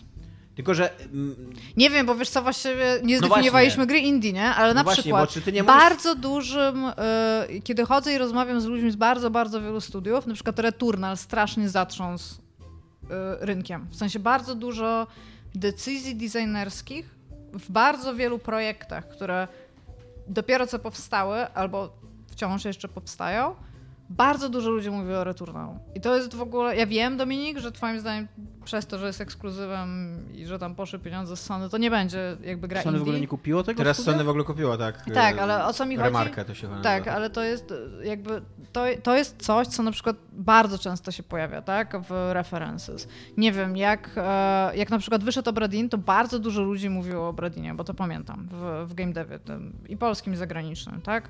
A jakby ciągle się pojawiały jakieś... Ale tutaj, wiesz co, Są takie- ja nie, nie jestem takim purystą jak Dominik, ale tutaj akurat dla mnie jest dostrzegalna różnica pomiędzy Remarkę, które robi, które ma tam, zatrudnia pewnie z 80-100 osób, jak nie więcej, jest dużą firmą o ustalonej em, marce, wydającej ekskluzywy y, dla Sony od lat, jak nie dekad, i jeszcze z taką perspektywą, że zaraz będą kupieni przez Sony po wydaniu Returnala, co nie? Bo to pewnie to nie są rzeczy, które się tam dogaduje w dwa tygodnie, co nie? Więc podejrzewam, że jeszcze przed premierą już trwały rozmowy na ten temat i tak dalej, co nie? A kurde, Return of the Obra Dinn zrobione przez jednego człowieka przez tam 6 lat robione i wiesz... Z... Tak, ale chodzi mi o to, że... On nawet chyba nie ma wydawcy, Dobra, nie? Tak się to- wydaje. On nic nie ma. Tak, to... Nie ma nic wydawcy. Nic Nie, nie ma. Właśnie Nic to, nie mnie, ma, Paul. To mnie zadziwiło, że on... koszuli nie ma. Talentu nie ma, nic nie nie miał ani wydawcy, ani marketingowca, y, wszystko robił sam i on w ogóle ogóle, w ogóle Lucas Bob jest super, naprawdę. Y, Do dzisiaj wspominam, jak mi się fajnie z nim gadało, bo jest takim naprawdę fajnym ziomeczkiem. Y, I on mówił, on, on, przykład jest bardzo skromny, bo on powiedział coś takiego, że nie wiem jak to powiedzieć po polsku, że on stumbled upon Papers, Please Natknął Success. się. Że on po prostu się jakby przewrócił i, i, i, i wpadł na ten sukces i że nie wie, co zrobił takiego, bo mówi, że nie miał ani, ani żadnego marketingu, ani żadnego social media, tak naprawdę, że to jakoś po prostu samo się... Ale wiesz co, nie, y, tutaj może być istotne to, co mówiła Iga, że on pracował wcześniej w Naughty Dog. Więc ludzie, którzy z nim pracowali, y, czekali na to, co on zrobi, co nie? Ci ludzie mieli dostęp do mediów, ci ludzie rozmawiają z dziennikarzami, ci ludzie mają jakieś tam wpływy. Dziennikarze go też wcześniej być może znali przez to, że on zna, grał, znaczy pracował w Naughty Dog, co nie? No tak. I tak dalej, więc y, no, to są dokładnie te pieniądze, które zainwestował w niego Naughty Dog, które być może mu właśnie opłaciły się tutaj, nie? W, te, w ten sposób jakby, wiesz, przyniosły zyski, nie? Dla niego. Możliwe, że tego było. No dobrze, ale to co ja chcę zauważyć, to wiemy, że zarówno Returnal, jak i Return o, i of Obra Dinn jakby nie są nie są tak bardzo wewnątrz tego głównego nurtu, jak gry na przykład typu Far Cry. Tak o to mi chodzi, że bardzo dużo ludzi e, szukając pomysłów na design nowych rzeczy, albo jakichś feature'ów nawet w rzeczach, które są powiedzmy trochę bardziej no, takie w stagnacji y, tego rynku gier pogrążona, patrzą się na rzeczy, które właśnie nie są w głównym nurcie. Bo te rzeczy, które są w głównym nurcie, to te wszystkie decyzje to, to są jakieś takie oczywiste. W zasadzie to już zostało ugruntowane i wiadomo, jak będzie wyglądała wspinaczka, rozumiem- jak będzie wyglądało skakanie, tak? Jakby te wszystkie rzeczy. A jeżeli jeżeli jakakolwiek zmiana i coś fajnego przychodzi, to to przychodzi właśnie spoza tego nurtu. I Iga Ja rozumiem, dlaczego ludzie patrzą na Returnala w ten sposób i go biorą, ale wydaje mi się, że to trochę wynika tak, że Returnal wziął rzeczy właśnie z takiego, nawet nie true indie, ale takiej bardziej indie produkcji i, i wyniósł je na taki poziom double A, co nie? No I tak, nagle, tak, tak. nagle ci ludzie patrzą, o kurde, co nie, to mo- można, można to zrobić na naszym poziomie moż, i można z tego zrobić maszynkę do pieniędzy, można z tego zrobić właśnie taką Mhm. grę o wysokim mm, progu finansowym i wiesz, taką dużą inwestycję, co nie? I dlatego to tak zatrzęsło to re- No tak, tak, tak, tylko że po prostu chodzi mi o to, że mam, bo teraz się zapytałeś, czy one są tak Bo wiesz, bo samo tak jakby ważne rynkowo. Returnala to istnieje od czasu, kurde... mm, Roga. Roga chciałem powiedzieć jeszcze tego, tej pierwszej gry, co tam chodziłeś tym jaski, takim poszukiwaczem przygód w jaskiniach. Adventure? Nie, nie, nie. League Dangerous. Nie. Spelunki? Spelanki, o właśnie. Y, Iga tak powiedziała z punktu widzenia deweloperów, ale też myślę, że z punktu widzenia League Dangerous, w ogóle, wow, ale że sięgnął, kurde. Indiana the Ale Temple of Atlantis? Indiana and the Temple of Atlantis. Ale akurat League Dangerous i Spelunky to są dosyć blisko siebie gry. I widać, że to było inspirowane w jakiś sposób. I, i, i tak samo mm, z punktu widzenia odbiorcy, że w taki, tak naprawdę tylko w grach indie ciągle się zdarza, zdarzają się takie strzały, takie złote strzały, e, które, które no jednak na rynku gier, gier, rynek gier AAA, za przeproszeniem, jest już tak, te budżety są już tak duże, że nikt już nie ryzykuje czegoś absolutnie nowego y, i, i, i, i, i niesprawdzonego. A na, to tylko z, gry- y, z rynku gier indie mamy takie historie jak Loop Hero, jak właśnie Valheim, takie gry, które wychodzą i nagle wszyscy o nich mówią. I nagle są, są m, przez kilka tygodni są głównym tematem w, w prasie i, i wśród graczy, że na rynku gier AA to się już praktycznie nie zdarza. Więc jak, Chyba, że wychodzi Elden Ring, nie? No, No tak. albo The Last of Us 2. Ni, w ogóle rza, rzadko kiedy cokolwiek tak bardzo odbija się echem w giereczkowie, tym, tym głównonurtowym, jak gry From Software. Po prostu jak wyjdzie gra From Software, to wiesz, że ludzie, którzy robią gry, będą to analizować i brać z tego przykłady. To jest po prostu tak jakby wszyscy czekali, aż From Software wyda grę, żeby oni mogli ukraść te pomysły do swoich kolejnych gier. Bo po Elden Ringu wszystkie open worldy będą inne. Wszystkie. też mam takie wrażenie. Zobaczymy, mieliśmy dokładnie to samo wrażenie po mm, Breath of the Wild. I jakoś tak nie było. No masz Jakoś rację, ten ale, Elden Ring wyszedł 4 czy 5 lat później, co nie? Dopiero. masz rację, ale mam nadzieję, że, że tym razem nie masz racji. W sensie, Znaczy, wydaje mi się, wydaje mi się, że zrobienie takiego open worlda jest strasznie trudne, strasznie czasochłonne strasznie pieniądzochłonne i tak No, dalej. Jakby nie przez, nie przez przypadek te światy, bo rozumiem, że wam chodzi o to takie odkrywanie, taką mm, bogactwo tego świata przedstawionego, jego niezwykłość i tak dalej, co nie? Nie przez przypadek, to, to, to wymaga olbrzymich nakładów pracy, bo tam autentycznie musi być No, coś- content do odkrycia, co nie? I tam- Tak, i tam Zupełnie inaczej konstruuje się otwarty świat do Far Cry'a, co nie?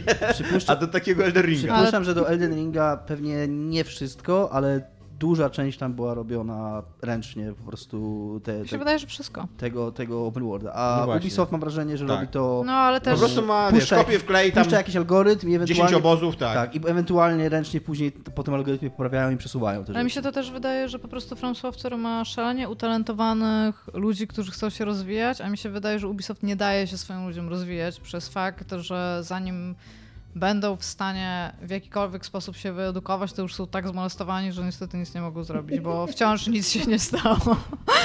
Dominik się opluł. I się opowiadał. Była taka, dokładnie taka, taka scena jest, że Dominik zaczął pić wodę i Niga powiedziała, co powiedziała i Dominik się opluł. Nie mam takich rzeczy.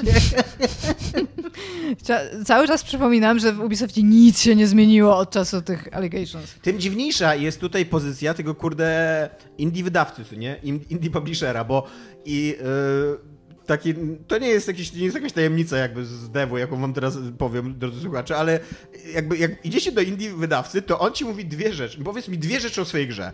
Po pierwsze, jaka ona będzie nowatorska, pod jakim względem ona będzie... I to jest spoko jakby, robisz Tak. grę indie, to jest spoko. A po drugie, do czego ona będzie podobna, bo my ją Tak. musimy sprzedać. Tak siedzisz, musisz zrobić coś jednocześnie zajebiście nowatorskiego, a, a drugiej strony zajebiście podobnego do tego, co się już sprzedało. Tak, i w ogóle bardzo dobrze otwierać picze, e, że to jest e, jakaś gra meets jakaś gra. Tak. Czyli na przykład tam, nie wiem, Bejeweled meets Doom. Więc trochę tak, trochę dokładnie ten, ten indie publisher jest takim, tym takim dokładnie middlemanem, który zabiera magię indie grom, Tak. nie? Tylko tak- StarCraft meets Elden Ring. no ale jednocześnie Był też musisz taki- mieć tam unique selling pointy, które kurde będą unique. Tak. był Ale jest w taki, zimę był taki... i w e, kosmosie. To nie był mod, tylko no, Zima w to kosmosie, było wow. zrobione... Kurde, Mario musi mieć takie poziomy po prostu w następnym. To było zrobione w, przez jakiegoś modera, z wykorzy- z wykorzystaniem jakiegoś modu, takie screenshoty Elden Ringa jako klasyczne RPG, takie Mhm. y, izometryczne. Że właśnie były te lokacje z Elden Ringa z ludzikami w, tak, w takiej perspektywie izometrycznej pokazanej i wyglądało to super cute. Więc y, StarCraft taki właśnie z taką grafiką może... Robisz 40 tysięcy tych twoich ludzików i idziesz na Melanie. A jeżeli grałbyś w tą grę bardzo uważnie, czytałbyś lore, to byś wiedział, że to jest Że- Melania, Blade y, of Mikela. Tak. Tak, Co? też, że jest undefeated in battle. No bo za każdym razem, jak od niej umierasz, a umierasz od niej naprawdę bardzo dużo, to mówi do ciebie centralnie I am Melania, Blade of Blade of Mikkel. Mikela, tak. I wszyscy teraz piszą, że jeżeli bardzo uważnie Aha. grałbyś w tą grę, to byś wiedział, że to jest Melania. Blade of Mikkela. To takie trollowanie, Takie trollowanie. Tak, i ona tak. jest undefeated in battle. Bo ona to mówi za każdym razem. Tak. To, jakiego, to, to, to usłyszysz to kurna z I ty już razy. i zaczynasz to mówić takim ironicznym głosem za nią. No. Jezu, jakie są jeszcze silne emocje w tobie. Nienawidzę tej rudej To szmaty po prostu. jest- To jest tak To głupi jest boss. tak, tak źle zrobiony boss. Jakby Elden Ring jest bardzo fajną grą, ale to jest on z jakiegoś powodu ma też jeden z gorszych bossów, jakie robią From. Software, ale ta ruda szmata to powinna jeść gruz i powinno się ją, kurde, Znaczy, łokciami Przede obijać. wszystkim powinny być, uważam, że powinniśmy stworzyć coś w rodzaju konwencji genewskich dla gier wideo. I pierwszy punkt w konwencjach genewskich dla gier wideo powinien być taki, że nie może boss robić tak, że za każdym razem jak ci uderzy, to się leczy od tego. Jakby to powinno być absolutnie zakazane. Może być nie wiadomo jak długi pasek życia, nie wiadomo jak Ale musi być jeden pasek życia. Ale to ma, ma, ma być to jeden pasek życia. Nie możesz się leczyć w trakcie, znaczy ewentualnie jeszcze możesz się leczyć w trakcie, ale nie leczyć się z każdym... I jeszcze, tak, jeszcze przy okazji mieć one, y, one hit takie komba, które cię zabijają. Tak, I że to jest, też ma. Ona ma to wszystko po ma prostu, to nie? wszystko, tak. I, i Jeszcze ma stagger praktycznie nie do wykonania, chyba że masz jedną z dwóch rodzajów broni, jakby, które jest, które to, jest to... Przecież kochacie tą grę. Ja mówię, że ta, ta gra jest fenomenalnie dobra, ale na przykład ma jedne z gorszych bossów w ogóle w historii gier Fromów. I ma właśnie takie kwiatki, które są. Ona i ostatni boss to są w ogóle. Jakby starzysta ich Ona nie jest zaprojektował. ostatnim bossem? Nie, Nie, nie, ona jest w ogóle opcjonalna opcjonalna. bossów. Nie trzeba jej wykonywać. E, ostatnim bossem akurat jakoś nie miałem problemów, ale ma też O fajnych Jezu, jaki bossów. on był nudny. Był po prostu, był po prostu nudny, ale Tam ja, tak- 20 minut się ale za nim biega i nic nie robisz i ale fantastycznie ja- się bawisz. Tak rozmawiając o grach indie. ale ja gramy. nie byłem, on nie był trudny No, dla mnie, po prostu biegłem. Nie był trudny, bo ale był strasznie Był upierdliwy. upierdliwy, Ale ma też fajnych bossów. Placidusax na Kaszel Smok był zajebisty. Bardzo go lubię. On był fajny, ale to był jeden z niewielu fajnych bossów. To był naprawdę fajny boss. Ten typ w Soul Castle, on był trudny, ale też był fajny, bo dało się nauczyć jego timingów i idealnie Ja chyba byłem tam to za wejść. późno, bo, bo już go bez problemów pokonałem. Podoba mi się też Fire Giant zaskakująco. Wszyscy na niego jadą, nie, ja go nie mi się, lubię. mi się podobał. Też za nim trzeba było Dobra, popierdykać. no już- Właśnie ja mam nadzieję, że nasi słuchacze wiedzą, o czym mówicie, bo ja... To jest top 10 anime fights robimy teraz. Więc nie wiem, co mam ci powiedzieć. W każdym razie gry indie, nie wiem, Elden Ring. Robisz E, top uważam, 10 że anime są... fights i jeszcze nie, ani razu o Goku nie powiedziałeś. Ty. Nie jest tam w, El, ten w Elden Ringu nie jest bossem, więc obviously jest zamiętki. Ale co miałam powiedzieć? Moim zdaniem gry te niezależne, w sensie może inaczej, nie głównonurtowe, nie takie commercial robione na badaniach rynku, badaniach odbiorców, tylko te takie jakby co, coś nowego, co wychodzi, jakby takie nowatorskie. Nigdy nie było na, takiego nacisku, żeby, żeby w coś takiego uderzyć, bo my jesteśmy z jednej strony na rynku, który na Jak przykład... coś tak nie rozumiem. No bo chcę właśnie powiedzieć, jeżeli pracujesz w dużej firmie, nie? Jeżeli podejmujesz decyzję na temat nowego projektu, powiedzmy, to masz wybór, chcesz zarobić pieniądze, obviously, bo jesteś bardzo bogatym typem, który e, liczy na fakt, że będzie jeszcze bogatszy i będzie mógł molestować ludzi, nie? Dominika strasznie śmieszy molestowanie. Mi się wydaje, że powinniśmy zainterweniować to w ogóle. To jest... Przypomniał mi się poprzednie to, co Iga powiedziała. Szkolenie w Ubisoftie go powinniśmy wysłać jakieś. że nie pamiętam co to było. Znaczy, nie, nie pamiętam do końca jego powiedziała, ale pamiętam, że to było strasznie śmieszne. Jeżeli mówi się, że za każdym razem jak się coś przypomina, to nie przypominasz sobie tego wydarzenia, tylko przypo- przypominasz sobie ostatni raz, kiedy Swoją ostatnią swoją rekonstrukcję. ostatnią tego, rekonstrukcję tak. tego wydarzenia. Pamięć autobiograficzna to się tak, nazywa. tak. Więc tak samo ja teraz już nie pamiętam tego żartu, ale pamiętam, że, było, bardzo- że tego, co Iga powiedziała, ale było tak śmieszne, że teraz jak powiedziała o molestowaniu, to się po prostu zaśmiałem na wspomnienie tego śmiechu, tego mojego rozmawiania wtedy. No, ale w każdym razie. Więc chcesz podjąć taką decyzję, żeby zapewnić sobie jak najwięcej pieniądzów, nie? Więc jakby możesz zrobić coś, co już jest bardzo sprawdzone, czyli na przykład uderzasz sobie, zrobię open world w klimacie Ubisoftu, w którym będę mieć znaczniki i tam do tych znaczników się będzie chodzić, tam będą z dupy questy, które nie mają żadnego mięsa i to są właściwie fecze, ale mają być może jakąś zabawną postać i to, co teraz bardzo lubi Ubisoft, na przykład mają twist, tak? Więc dostajesz tak naprawdę 500 rzeczy, które są nudne, bo każdy z nich na koniec jest taki sam. Bo każdy z nich jest śmieszną postacią, ma jakiś dialog, jest pewnie jakiś twist. Więc robisz na przykład coś takiego, albo możesz e, zrobić jakby coś zupełnie odwrotnego, czyli to, na co każda taka firma liczy. Bo ona chce grać bezpiecznie, ale chce, żeby ich sukcesem było na przykład Fall Guys albo PUBG, czyli coś zupełnie nowatorskiego. Coś, co wyszło i wszyscy stwierdzili, No że to jest super, nie? No i ty znasz tą perspektywę z, z firm AA. To, to, to ci ludzie, którzy podejmują decyzję, patrzą na rynek, no nie indie, ale nie głównonurtowy? Czy raczej patrzą na swoją, na, na, na wiesz, na swoim poziomie Patrzą na i mówią, rynek chcę zrobić główno- drugiego Call of Duty, co nie? Albo Patrzą na głównonurtowy, patrzą na głównonurtowy rynek i referencje zwykle są z rynku głównonurtowego, tak- bo tak jak mówię, chcą grać bardzo bezpiecznie, ale oszukują się, że większość ich decyzji designerskich, na przykład, no bo wiesz, jeżeli na przykład jesteś tym takim bardzo, jesteś Johnem Ubisoftem, tak? I robisz bezpieczne gry ze Pierem, schematem. Pierem Ubisoftem. Pierem Ubisoftem, Jak już- molestujesz jak już ludzi. Dominik znowu się śmieje. Niezwykle zabawny proceder, takie molestowanko. No mi się śmieje na wspomnienie tego, jak ostatnio się zaśmiał, bo wcześniej wspomniał. Tak. Dobra.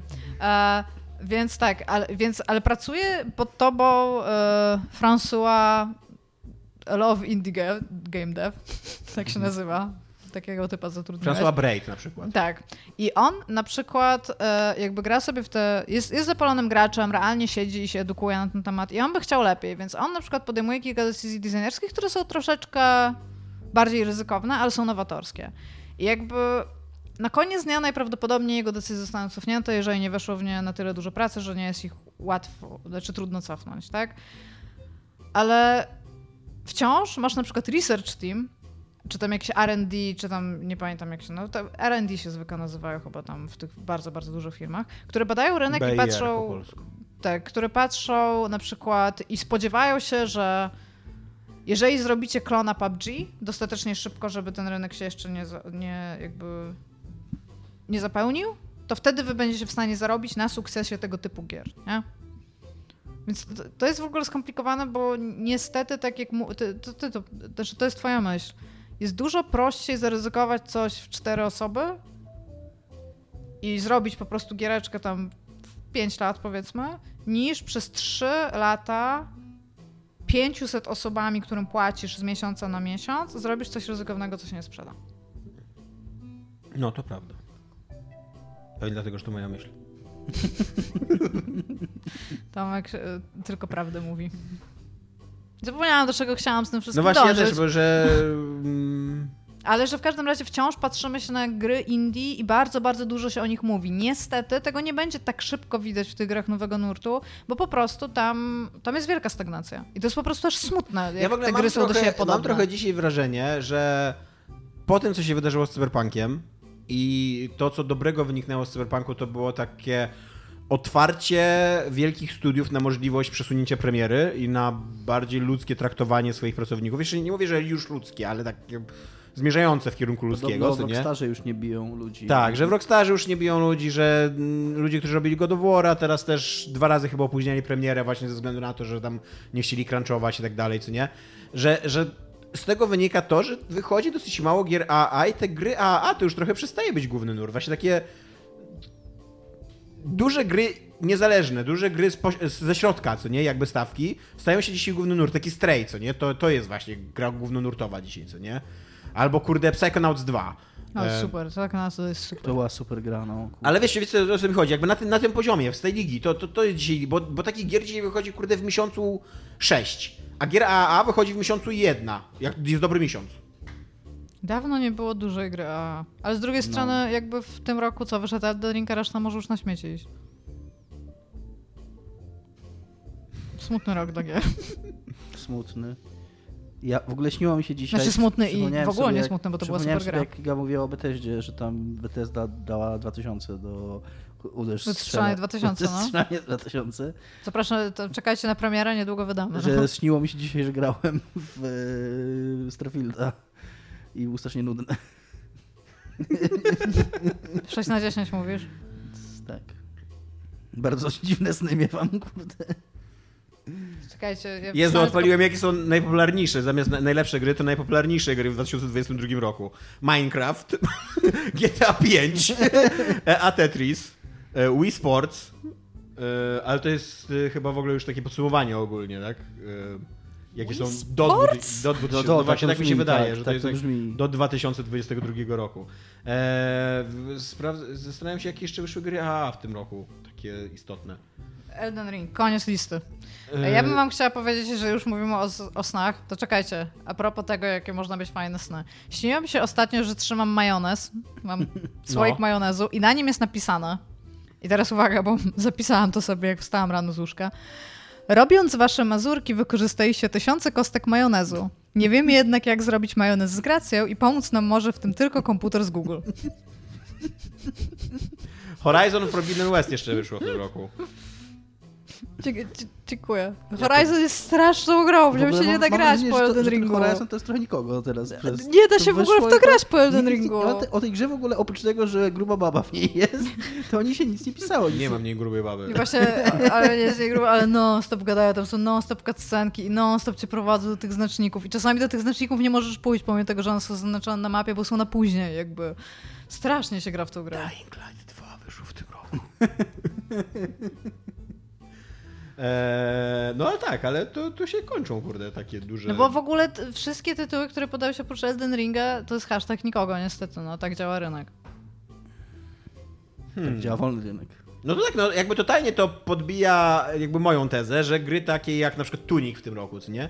To były gry Tuning takie... wyszło w zeszłym roku. Nie, w tym roku wyszł Tunic. Jesteś stuprocentowo pewien? Nie jestem 100% pewien, ponieważ podważyłaś moją pewność właśnie, ale że z nią byłem, kurde. Nie jestem na tyle zadowolony w sobie, żeby 16 być... marca 2022. No właśnie. A, Suck it. no dobra, Don't suck it, Iga. rozpinaj. Chyba, że lubisz, no kurde. E, Albo to Neon coś tam wyszło w tym roku. No, no coś tam. No ale y, była to, y, była to w swojej mm, działce. Neon- Neon White? Chyba to się nazywało? Nie, wiem, w Nie wyszło jeszcze Neon White. Wyszło. Tak? tak? Neon White wyszło? No kurde, Ta jestem gra, na... ta no. White wyszło totalnie w tym Ta roku. no. karcianka, gdzie tak zapierniczasz. Czy jest To jakaś jest karcianka? totalnie To już wyszło? To nie jest karcianka, to jest mm, taka zapierni gra w zapierniczanie, tylko że zdolności specjalne masz w postaci A, karty. bo to tylko na PC i Switcha Tak, wyszło to. Ale w sumie mam już Switcha. Nie wiedziałam, że to jesteś już totalnie wyszło. nie na czasie, a starasz się mi Jezus powiedzieć, że jest na 16, czasie. 16 ty. czerwca. Ale A Point- Falls, świetna gra, też Two. Point... Yy, Campus Ale jestem w ogóle zadziwiony tym, jakie dobre oceny miała z Dusk Falls, naprawdę. Ja być może... Co miało? Jak, jak dobrze oceniona jest ta gra. Jaka? Ask Dusk Falls. Być może ja y, byłem trochę zbyt krytyczny dla niej, nie wiem. Ja nie wiem, jak ty, po tym jak ty to opisałeś, to ona mi się wydaje taka nudna, że nie Chociaż uważam, chociaż jakby stoję przy swoim zdaniu, nie zmieniłem go. Jakby może się ta gra podobać, ale nie spodziewam. Ona ma jakieś około 80 chyba parę procent na Metacriticu. Ja bym raczej się Dobra, a zobacz ile ma Detroit Become Human. że będzie miał coś 70, ale ja uważam, że Detroit Become Human jest, Become Human jest dużo, dużo lepszą grą niż. Yy, No dobra, ale to wciąż nie jest za dobra gra i chcę ci coś pokazać. Eee, czekaj. Detroit. To jest eksperyment, który Więc wykonujemy tak, jakby wracając do, do, do, do mojej tezy, jakby podtrzymuję ją po tym, jak sobie sprawdzam, że jakie, jakie gry wyszły w 70, tym roku, że, 78% Detroit. No, a nie powinno mieć, więc... że Nie, premiera, premiera gry AA dzisiaj, taka duża, pełnoprawna premiera takiego behemota AA jest tak rzadko spotykanym wydarzeniem, że no autentycznie gry właśnie na takim średnim poziomie, tak jak Neon, Neon White. To nie jest gra, in- nie nazwałbym, na przykład ja bym nie nazwał Neon White gr- gry indies, nie? Ale widać, że to jest, jest. takie triple, triple E, co nie? Jak dla mnie to jest bardzo mocno gry. 79 ma z kolei As Falls, więc trochę mniej niż myślałem, ale wciąż uważam, że... Albo właśnie Citizen Sleeper, albo Rogue Legacy 2 też wyszło w tym roku. To też była przecież głośna gra z tego czasu. Albo Disco Elysium. Paradigm Disco też nie wyszedł w tym roku? Na? Switcha chyba wyszło Elysium. Paradigm? Paradigm? Nie wiem, co to jest w ogóle. No dupa Genetics. A, okej. No tak. Disco Elysium na pewno nie wyszło w tym roku, ale może na Switcha wyszło w tym roku. Disco Elysium nie, nie wyszło w tym roku. Ale Eld, jakby po co wy tego szukacie? Elden Ring wyszedł w tym roku. No Jakby tak, jest, jest tak, kropka, tak. jest koniec. Paradigm był fajny. Nie był tak fajny, jak myślałem, że będzie, ale był fajny. W ogóle przygodówki są takie super. Dobra, pytacie się mnie, co jest grane.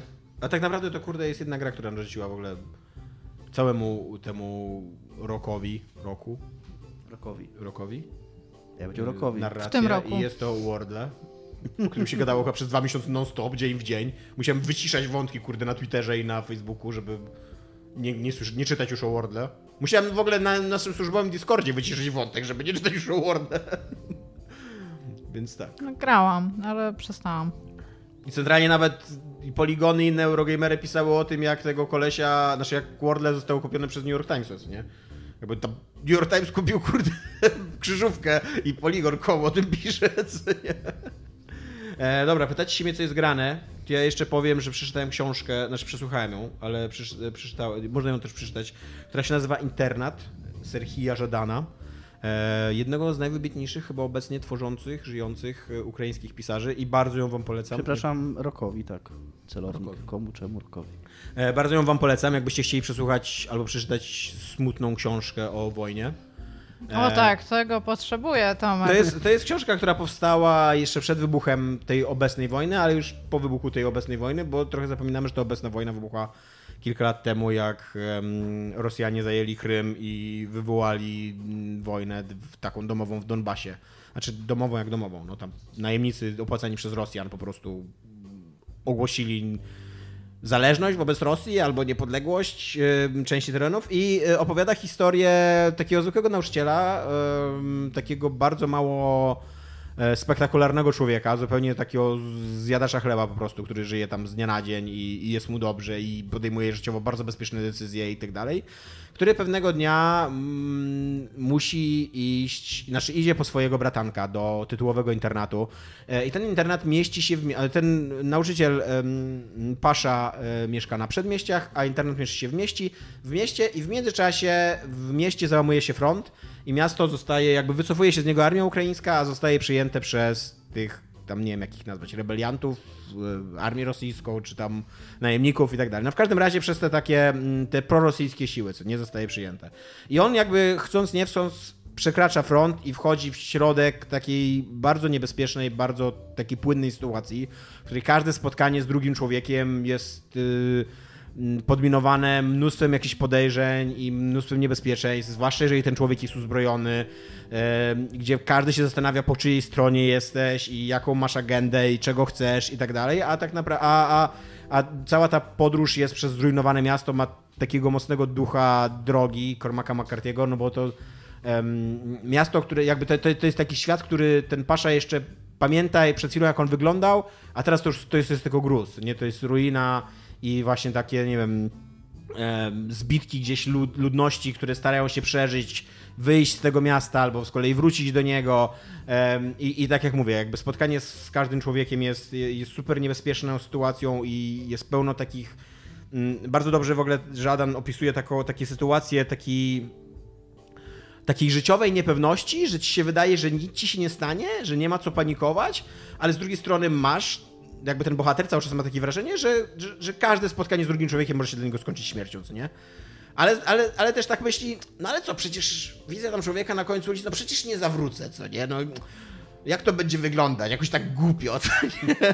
E, I, I właśnie pod tym względem, to, to jest w ogóle bardzo dobra książka, tylko ona jest dosyć nudna i monotonna, jakby to wynika trochę z, ta, z tematu, jaki podejmuje, bo to jest po prostu facet, który idzie przez strefę działań wojennych, spotyka ludzi, nie dzieją mu się żadne spektakularne przygody, bo to nie jest jakaś książka przygodowania nic takiego, a później wraca jakby przez tą samą strefę i e, więc mówię, więc jest dosyć monotonna, ale ona zajebiście pisze o, znaczy zajebiście porusza taki temat męskości w, e, właśnie w okoliczności jakichś takich wojen, bo, to, bo Pasza to nie jest w ogóle żaden wojownik, co nie? I, i on stara się utrzymywać w sobie taką, takie, takie złudzenie neutralności. Pomimo, że on żyje po stronie ukraińskiej i jest de facto mm, mm, działaczem jakimś takim rządowym, mm, urzędnikiem, o, urzędnikiem państwowym, bo jest nauczycielem, co nie?